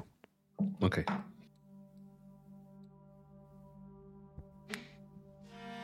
Mężczyzna. Głowa rodziny. Podchodzi do ciebie, Randulfie. W tym momencie przygotowania zostały już zakończone. Dzieci i niewiasty schowały się, albo nawet już śpią. Wam też jest już ciężko, coraz ciężej, tak naprawdę. O tej porze będąc przygotowanym, czekając wciąż na to, co ma nadejść, nie spaliście. Jest to obarczone jednym stanem, poziomem stanu zmęczenia. To jest minus 10 do wszystkich testów. Ale kiedy stoisz przy studni, mężczyzna przychodzi w twoją stronę. Idę obudzić kobiety. Jeśli przybędą, musimy być gotowi. Dobrze, więc idź. Jest tak, jak mówisz. Musimy być gotowi. W tym momencie, gdy on to mówi i odchodzi dwa kroki od ciebie z oddali, z południa, może z południowego zachodu, słyszysz wilczy skowyt. Wszyscy słyszycie, jak niesie się to przez las i razem z szumem drzew dociera do waszych uszu. Mężczyzna zatrzymuje się, spogląda w twoją stronę w ciemności, kiedy Manslip tylko oświetla podwórze. Zdałem sobie sprawę z tego, że co drugą noc słychać to zawodzenie. Niesie się od czarnych szczytów. Jakby nam tu jeszcze wilków brakowało. Mężczyzna znika w cieniu domostwa. A wilczy skowyt staje się coraz głośniejszy i przede wszystkim bliższy. Jesteście w różnych miejscach tego gospodarstwa i słyszycie to naturalnie głośno. Wszystko trwa kilkanaście minut. W międzyczasie kobiety zostały obudzone i zajmują miejsce gdzieś niedaleko Randulfa przy studni. Mogę jeszcze jedną rzecz zrobić? W tym momencie tak, ale już raczej na żadne przygotowania nie ma sensu. Możesz się przemieścić. Nie, albo... Zdecydowanie. Chcę się przemieścić na chwilę do tych kobiet jeszcze. One Zaraz są przy tobie wrócę. przecież.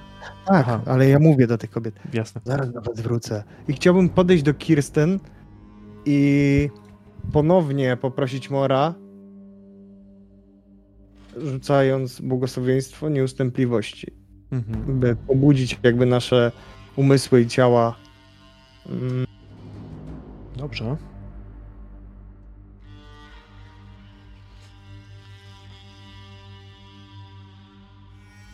I rzucam e, to błogosławieństwo zarówno na siebie, jak i na Kirsten, usuwając ten stan zmęczenia. Dobra. Te punkty sukcesu pozwalają na to. Bez żadnego problemu. Ja bym, ja bym chciał też w międzyczasie pomodlić się po prostu do Sigmara. Też, żeby dał właśnie mi siłę, która będzie prowadziła moją kuszę czy miecz. Kiedy... I wracam do tych kobiet naturalnie, przepraszam.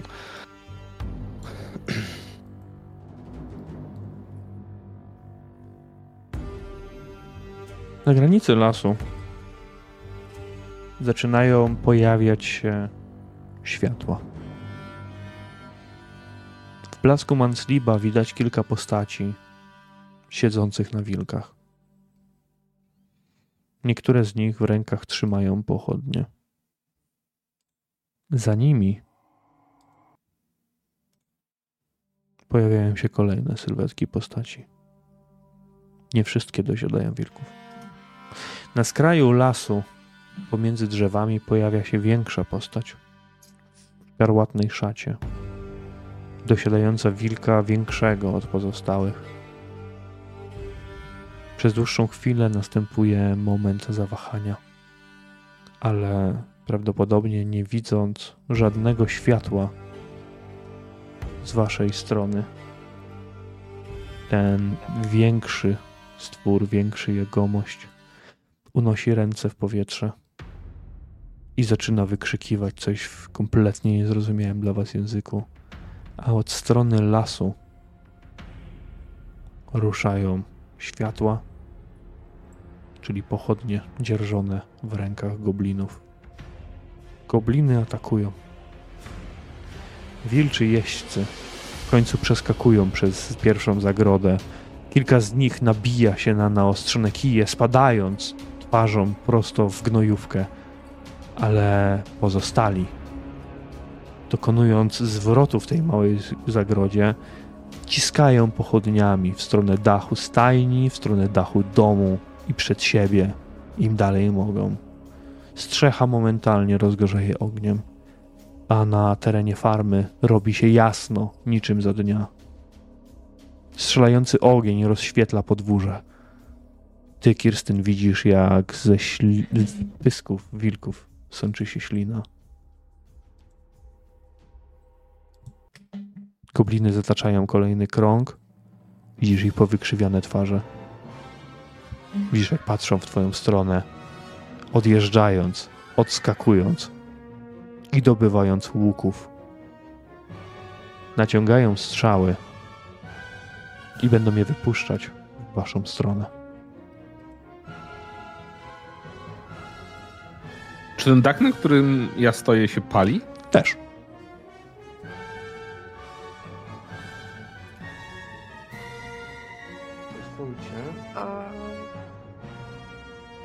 Na pewno, jeżeli pochodnie już zaczynają latać i wszystko zajmuje się ogniem, to Kirsten krzyczy, żeby do cholery zaczęli to gasić wszystko. No i Krzyczysz to, Kirstyn, ale strzały wypuszczone przez gobliny w pewnym momencie zaczynają przeszywać ludzi, którzy stoją na środku tego placu. Dwie kobiety padają bez życia, tak jak i jeden z synów, momentalnie osuwając się na ziemię, a gobliny wyskakują na zewnątrz z powrotem, uciekając w stronę lasu. Ale tak naprawdę zataczają tylko koło, aby móc zaatakować kolejny, kolejny raz. Rzućcie sobie na inicjatywę, proszę was.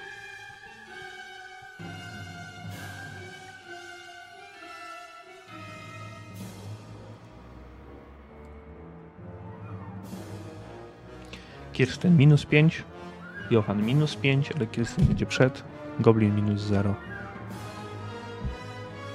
I Randulf plus 2. Randulf, obok ciebie padają dwie kobiety, rażone strzałami, dość krótkimi, ale nie mają żadnych szans. Jedna z nich otrzymuje postrzał w szyję, druga w klatkę piersiową i momentalnie, zataczając się, upadają, rozrzucając niektóre, z, e, niektóre wiadra z wodą, które zaczynają rozlewać się na boki. Mhm. Kirstyn krzyknęła coś wcześniej, żeby do cholery zająć się tym ogniem, ale ty widzisz, jak płomienie buchają wręcz z tego dachu. Została jedna kobieta i ty tutaj. Wracaj do domu, do dzieci. Kobieta biegnie To od już nie ma sensu. Co? Momentalnie kobieta rusza w stronę domu, kiedy mm tylko to mm -hmm. powiedziałeś. I mm, rozumiem, że te gobliny są e, jakieś już na, na tym placu? Nie, kompletnie. One wystrzeliły i zawróciły, wyskakując poza, poza teren gospodarstwa tak naprawdę. One walczą okay. na dystans. To ja bym chciał się tak ustawić, e, patrząc na to, jak wskakiwały, żeby mm, gdzieś stanąć za budynkiem, tak jak on skoczy mhm. i zaskoczyć tego goblina i spróbować go jakby zaatakować. Dobra. E, w momencie, tak żeby nie stać na środku, no bo jednak to był błąd, że, żeby tak stać i czekać. E, I teraz to widzę, no. Zauważasz, że ojciec rodziny wybiega na środek tego placu i próbuje chwycić swojego syna, który też był urażony jedną z tych, z tych strzał i łapie go, bierze na ręce, będzie próbował z nim odbiec gdzieś dalej. Ale teraz jest czas na gobliny, które robiąc kolejne okrążenie skakują z powrotem w stronę zagrody dla bydła i będą próbowały strzelać. Kirsten, czy ty tam jesteś, czy ty jesteś schowana za tym przewróconym stołem? Nie, no jestem, jestem tam. To w ciebie także będzie ewentualnie szedł ostrzał. Tylko ty jesteś skryta. Tu jest 10. Nie trafiają ciebie, ale część pocisków także idzie w stronę tego mężczyzny. Świst pocisków roznosi się tutaj w okolicy i wbijają się one tylko w błoto, niknąc gdzieś, kiedy ojciec rodziny łapie martwego już tak naprawdę syna na ręce i rusza z nim w stronę domostwa, przebiegając gdzieś przed tobą, Randulfie. Kogo mamy następnego tutaj? Eee, Kirsten. Ja w takim razie rzucam się do ataku na te gobliny. Na gobliny, na tylko... wilkach tak naprawdę. Tak, dokładnie. Dobrze.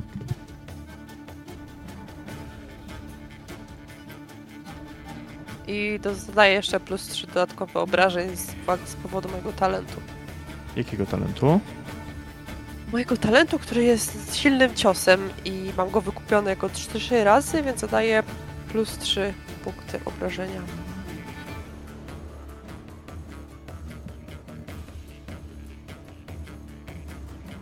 Dobra. To teraz tak.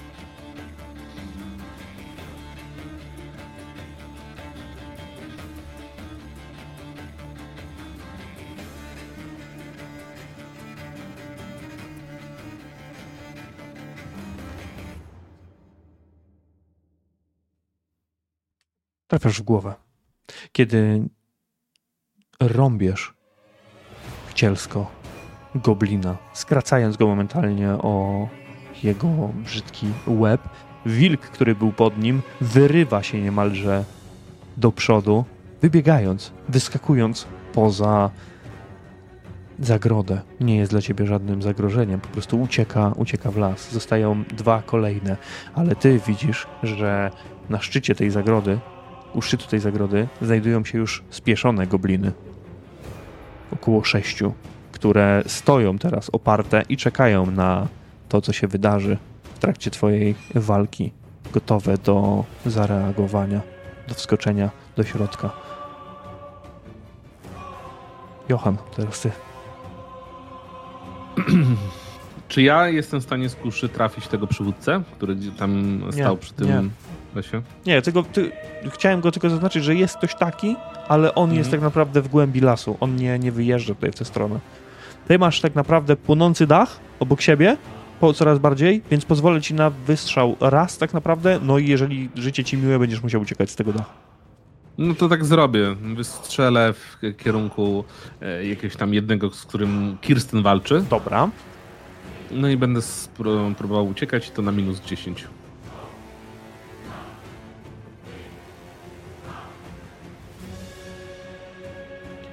Dobrze. Bełt twojej kuszy przeszywa noc, wbijając się gdzieś w rękę, tutaj mówi nam mechanika, ale on przebija się przez rękę i wbija się gdzieś głęboko w bok goblina, który będąc niesionym przez wilka, tracąc nad nim pa- panowanie, przeskakuje teraz przez tą zagrodę, za którą wcześniej stała Kirstyn i wbiega na środek placu, gdzie znajduje się Randulf. Randulfie, twoja kolej. Ten goblin, trzymając się gdzieś za bok, już praktycznie ledwo żywy, ale zaczyna się kręcić na tym wilku dookoła, nie mając drogi ucieczki. Tutaj bardziej już wilk przejął inicjatywę. Dobrze, no. Będę próbował tego wilka e, jakby siec sztyletem. Dobra.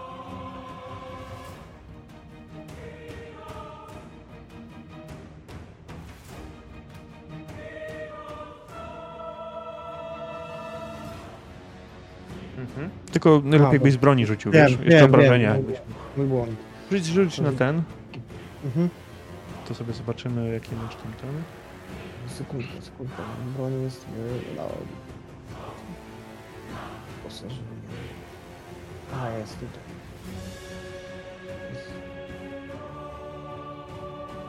Dobra, czyli 8 tak naprawdę yy, obrażeń, a nie, jeszcze więcej.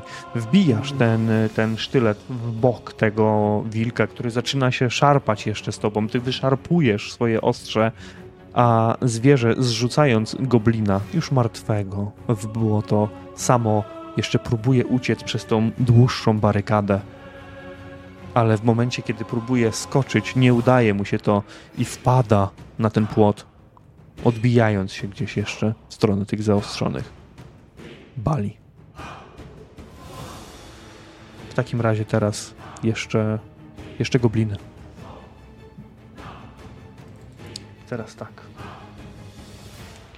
Pierwszy test. Krytyczna porażka.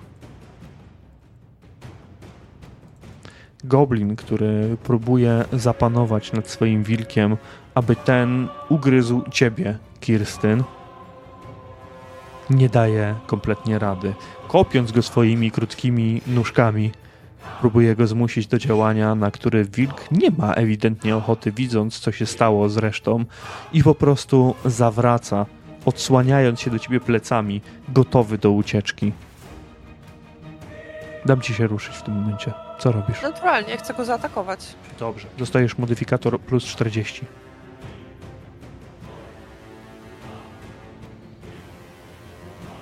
To jest jeszcze krytycz, krytyk w przypadku Nie będziemy szukać tego krytyka. Wilk ucieka, ale ty pchnięciem swojej włóczni przez plecy przebijasz ciało tego goblina, który zostaje na tej włóczni, w powietrzu go utrzymujesz. I on się zaczyna zsuwać po tym drewnianym materiale w twoją stronę. Obrzydliwie to wygląda, ale wilk wyskakuje zza zagrody w stronę lasu a gobliny, które patrzyły wcześniej pełne nienawiści w twoją stronę, widząc to, co dopiero zrobiłaś, zaczynają odstępować, cofać się coraz bardziej w stronę ściany lasu. Tego przywódcy już praktycznie nie widać. Ściany światła pochodni także nie widać, bo kolejne snopy ognia buchają z dachu tej stodoły. Gobliny odstępują w tym momencie. Johan, schodzisz z płonącego tak. dachu domostwa. Randolph, ty widzisz, że dom zaczyna płonąć tak samo jak stajnie. Dom, w którym schroniły się dzieci, mhm. pozostała przy życiu kobieta, czyli żona tego yy, ojca, rodziny. No i właśnie on z martwym synem. Krasnoludy zostały nieco z tyłu tak naprawdę. Ja je wyłączyłem w tym momencie z walki ze względu na, na dynamikę tej akcji. One nie miały okazji nawet podbiec. Kiedy ty walczyłeś z, tymi, z, tymi, z tym wilkiem, kiedy wbiłeś mu ten sztylet, one próbowały ci pomóc, ale nie było nawet szansy na to w tym momencie. Gobliny zdają się odstępować, uciekać, ale ogień szaleje dookoła. Ja biegnę do tego, do tego domostwa. Yy, wbiegam w drzwi i krzyczę: Wychodzić! Gobliny odstępują, to się zaraz wszystko zawali. Ale już. I widzisz taką scenę, bo gdy wbiegasz do środka, słyszysz krzyk dzieci, które zbiegają z piętra. Widzisz ojca, który na stole z pozrzucanymi wszystkimi naczyniami próbuje ratować swojego syna ze strzałą sterczącą gdzieś w płucu. Widzisz łzy jak grochy po prostu spływające po jego starych policzkach. Kręci tylko głową i uderza rękami w stół coraz mocniej i mocniej. Twój krzyk gdzieś blednie, on gdzieś niknie tak naprawdę. A mogę jeszcze coś zrobić? Czy... Możesz, tak, ja tylko mówię ci ja co, wbiegam co tam, wbiegam tam, łapię go za ten Dalej człowieku, ruszaj albo dołączysz do syna w królestwie Mora, już! Masz jeszcze resztę dzieci. Odpychasz go? Nie, ja go e, łapię tak jakby za, mhm. e, za mm, wszasz i chcę jakby wyciągnąć go z tego płonącego budynku. Bo rozumiem, że te dzieci... Tak. E, dzieci wybiegały, wybiegały, wybiegały mhm. na, na, na, na zewnątrz naturalnie. E, dzieci się, dzieci się ewakuowały razem z pozostałą przy życiu kobietą, ale chwilę później znajdujecie się wszyscy w jednym miejscu. W tym punkcie centralnym farmy. Pozostały, pozostali przy życiu ludzie. Krasnoludy, które patrzą w ziemię, bo nie pomogły na tyle, na ile by chciały. Nie miały żadnej broni dystansowej. Jest tutaj też Johan, a wszędzie dookoła szaleją płomienie. Dwie kobiety pozbawione życia leżą obok studni przy poprzewracanych wiadrach, a ciało jednego z synów zostało tam w domostwie, które teraz już tak naprawdę powoli, ale powoli zaczyna się łamać, zawalać. Ja jeszcze na szybko chciałbym te zagrody pootwierać, żeby te zwierzęta uciekły. Ze stajni, naturalnie. Otwierasz. Ze stajni, tak. Mhm. Otwierasz stajnię i momentalnie tam się rzuca też drugi z synów do pomocy, odwiązując konia, który był tam przywiązany, wypychając niemalże, wypędzając świnie na zewnątrz, w oparach po prostu gorąca i żaru. Jest tutaj jasno, niczym w ciągu dnia. Kirsten by chciała, no, nie ugasi tego wszystkiego, ale mimo wszystko, nie, żeby nie stać bezczynnie, łapać za te wiadra yy, i, i próbować coś gasić. Cokolwiek. To już za późno, Kirstyn. Trzeba otworzyć bramy i uciekać stąd. Ludzie... No za późno. Dawaj. Co za późno? Brać się do roboty, tyle jest tutaj rąk. Przecież to coś ugasimy. No Przecież cholera zobacz, jasna. jak to się chwajczy wszystko. Musimy ja zapewnić tym, tym ludziom bezpieczeństwo. Chaty można odbudować. Ludzie patrzą po was zrezygnowani, nie wiedzą, co mają robić. Właśnie stracili mhm. kilkoro bliskich. Cholera, stawiajcie ten wóz! Konia podpinajcie, trzeba stąd uciekać. Tak też się dzieje. Trzeba przestawić wóz. Trzeba podpiąć konia, a następnie wszyscy muszą się załadować na, na wóz.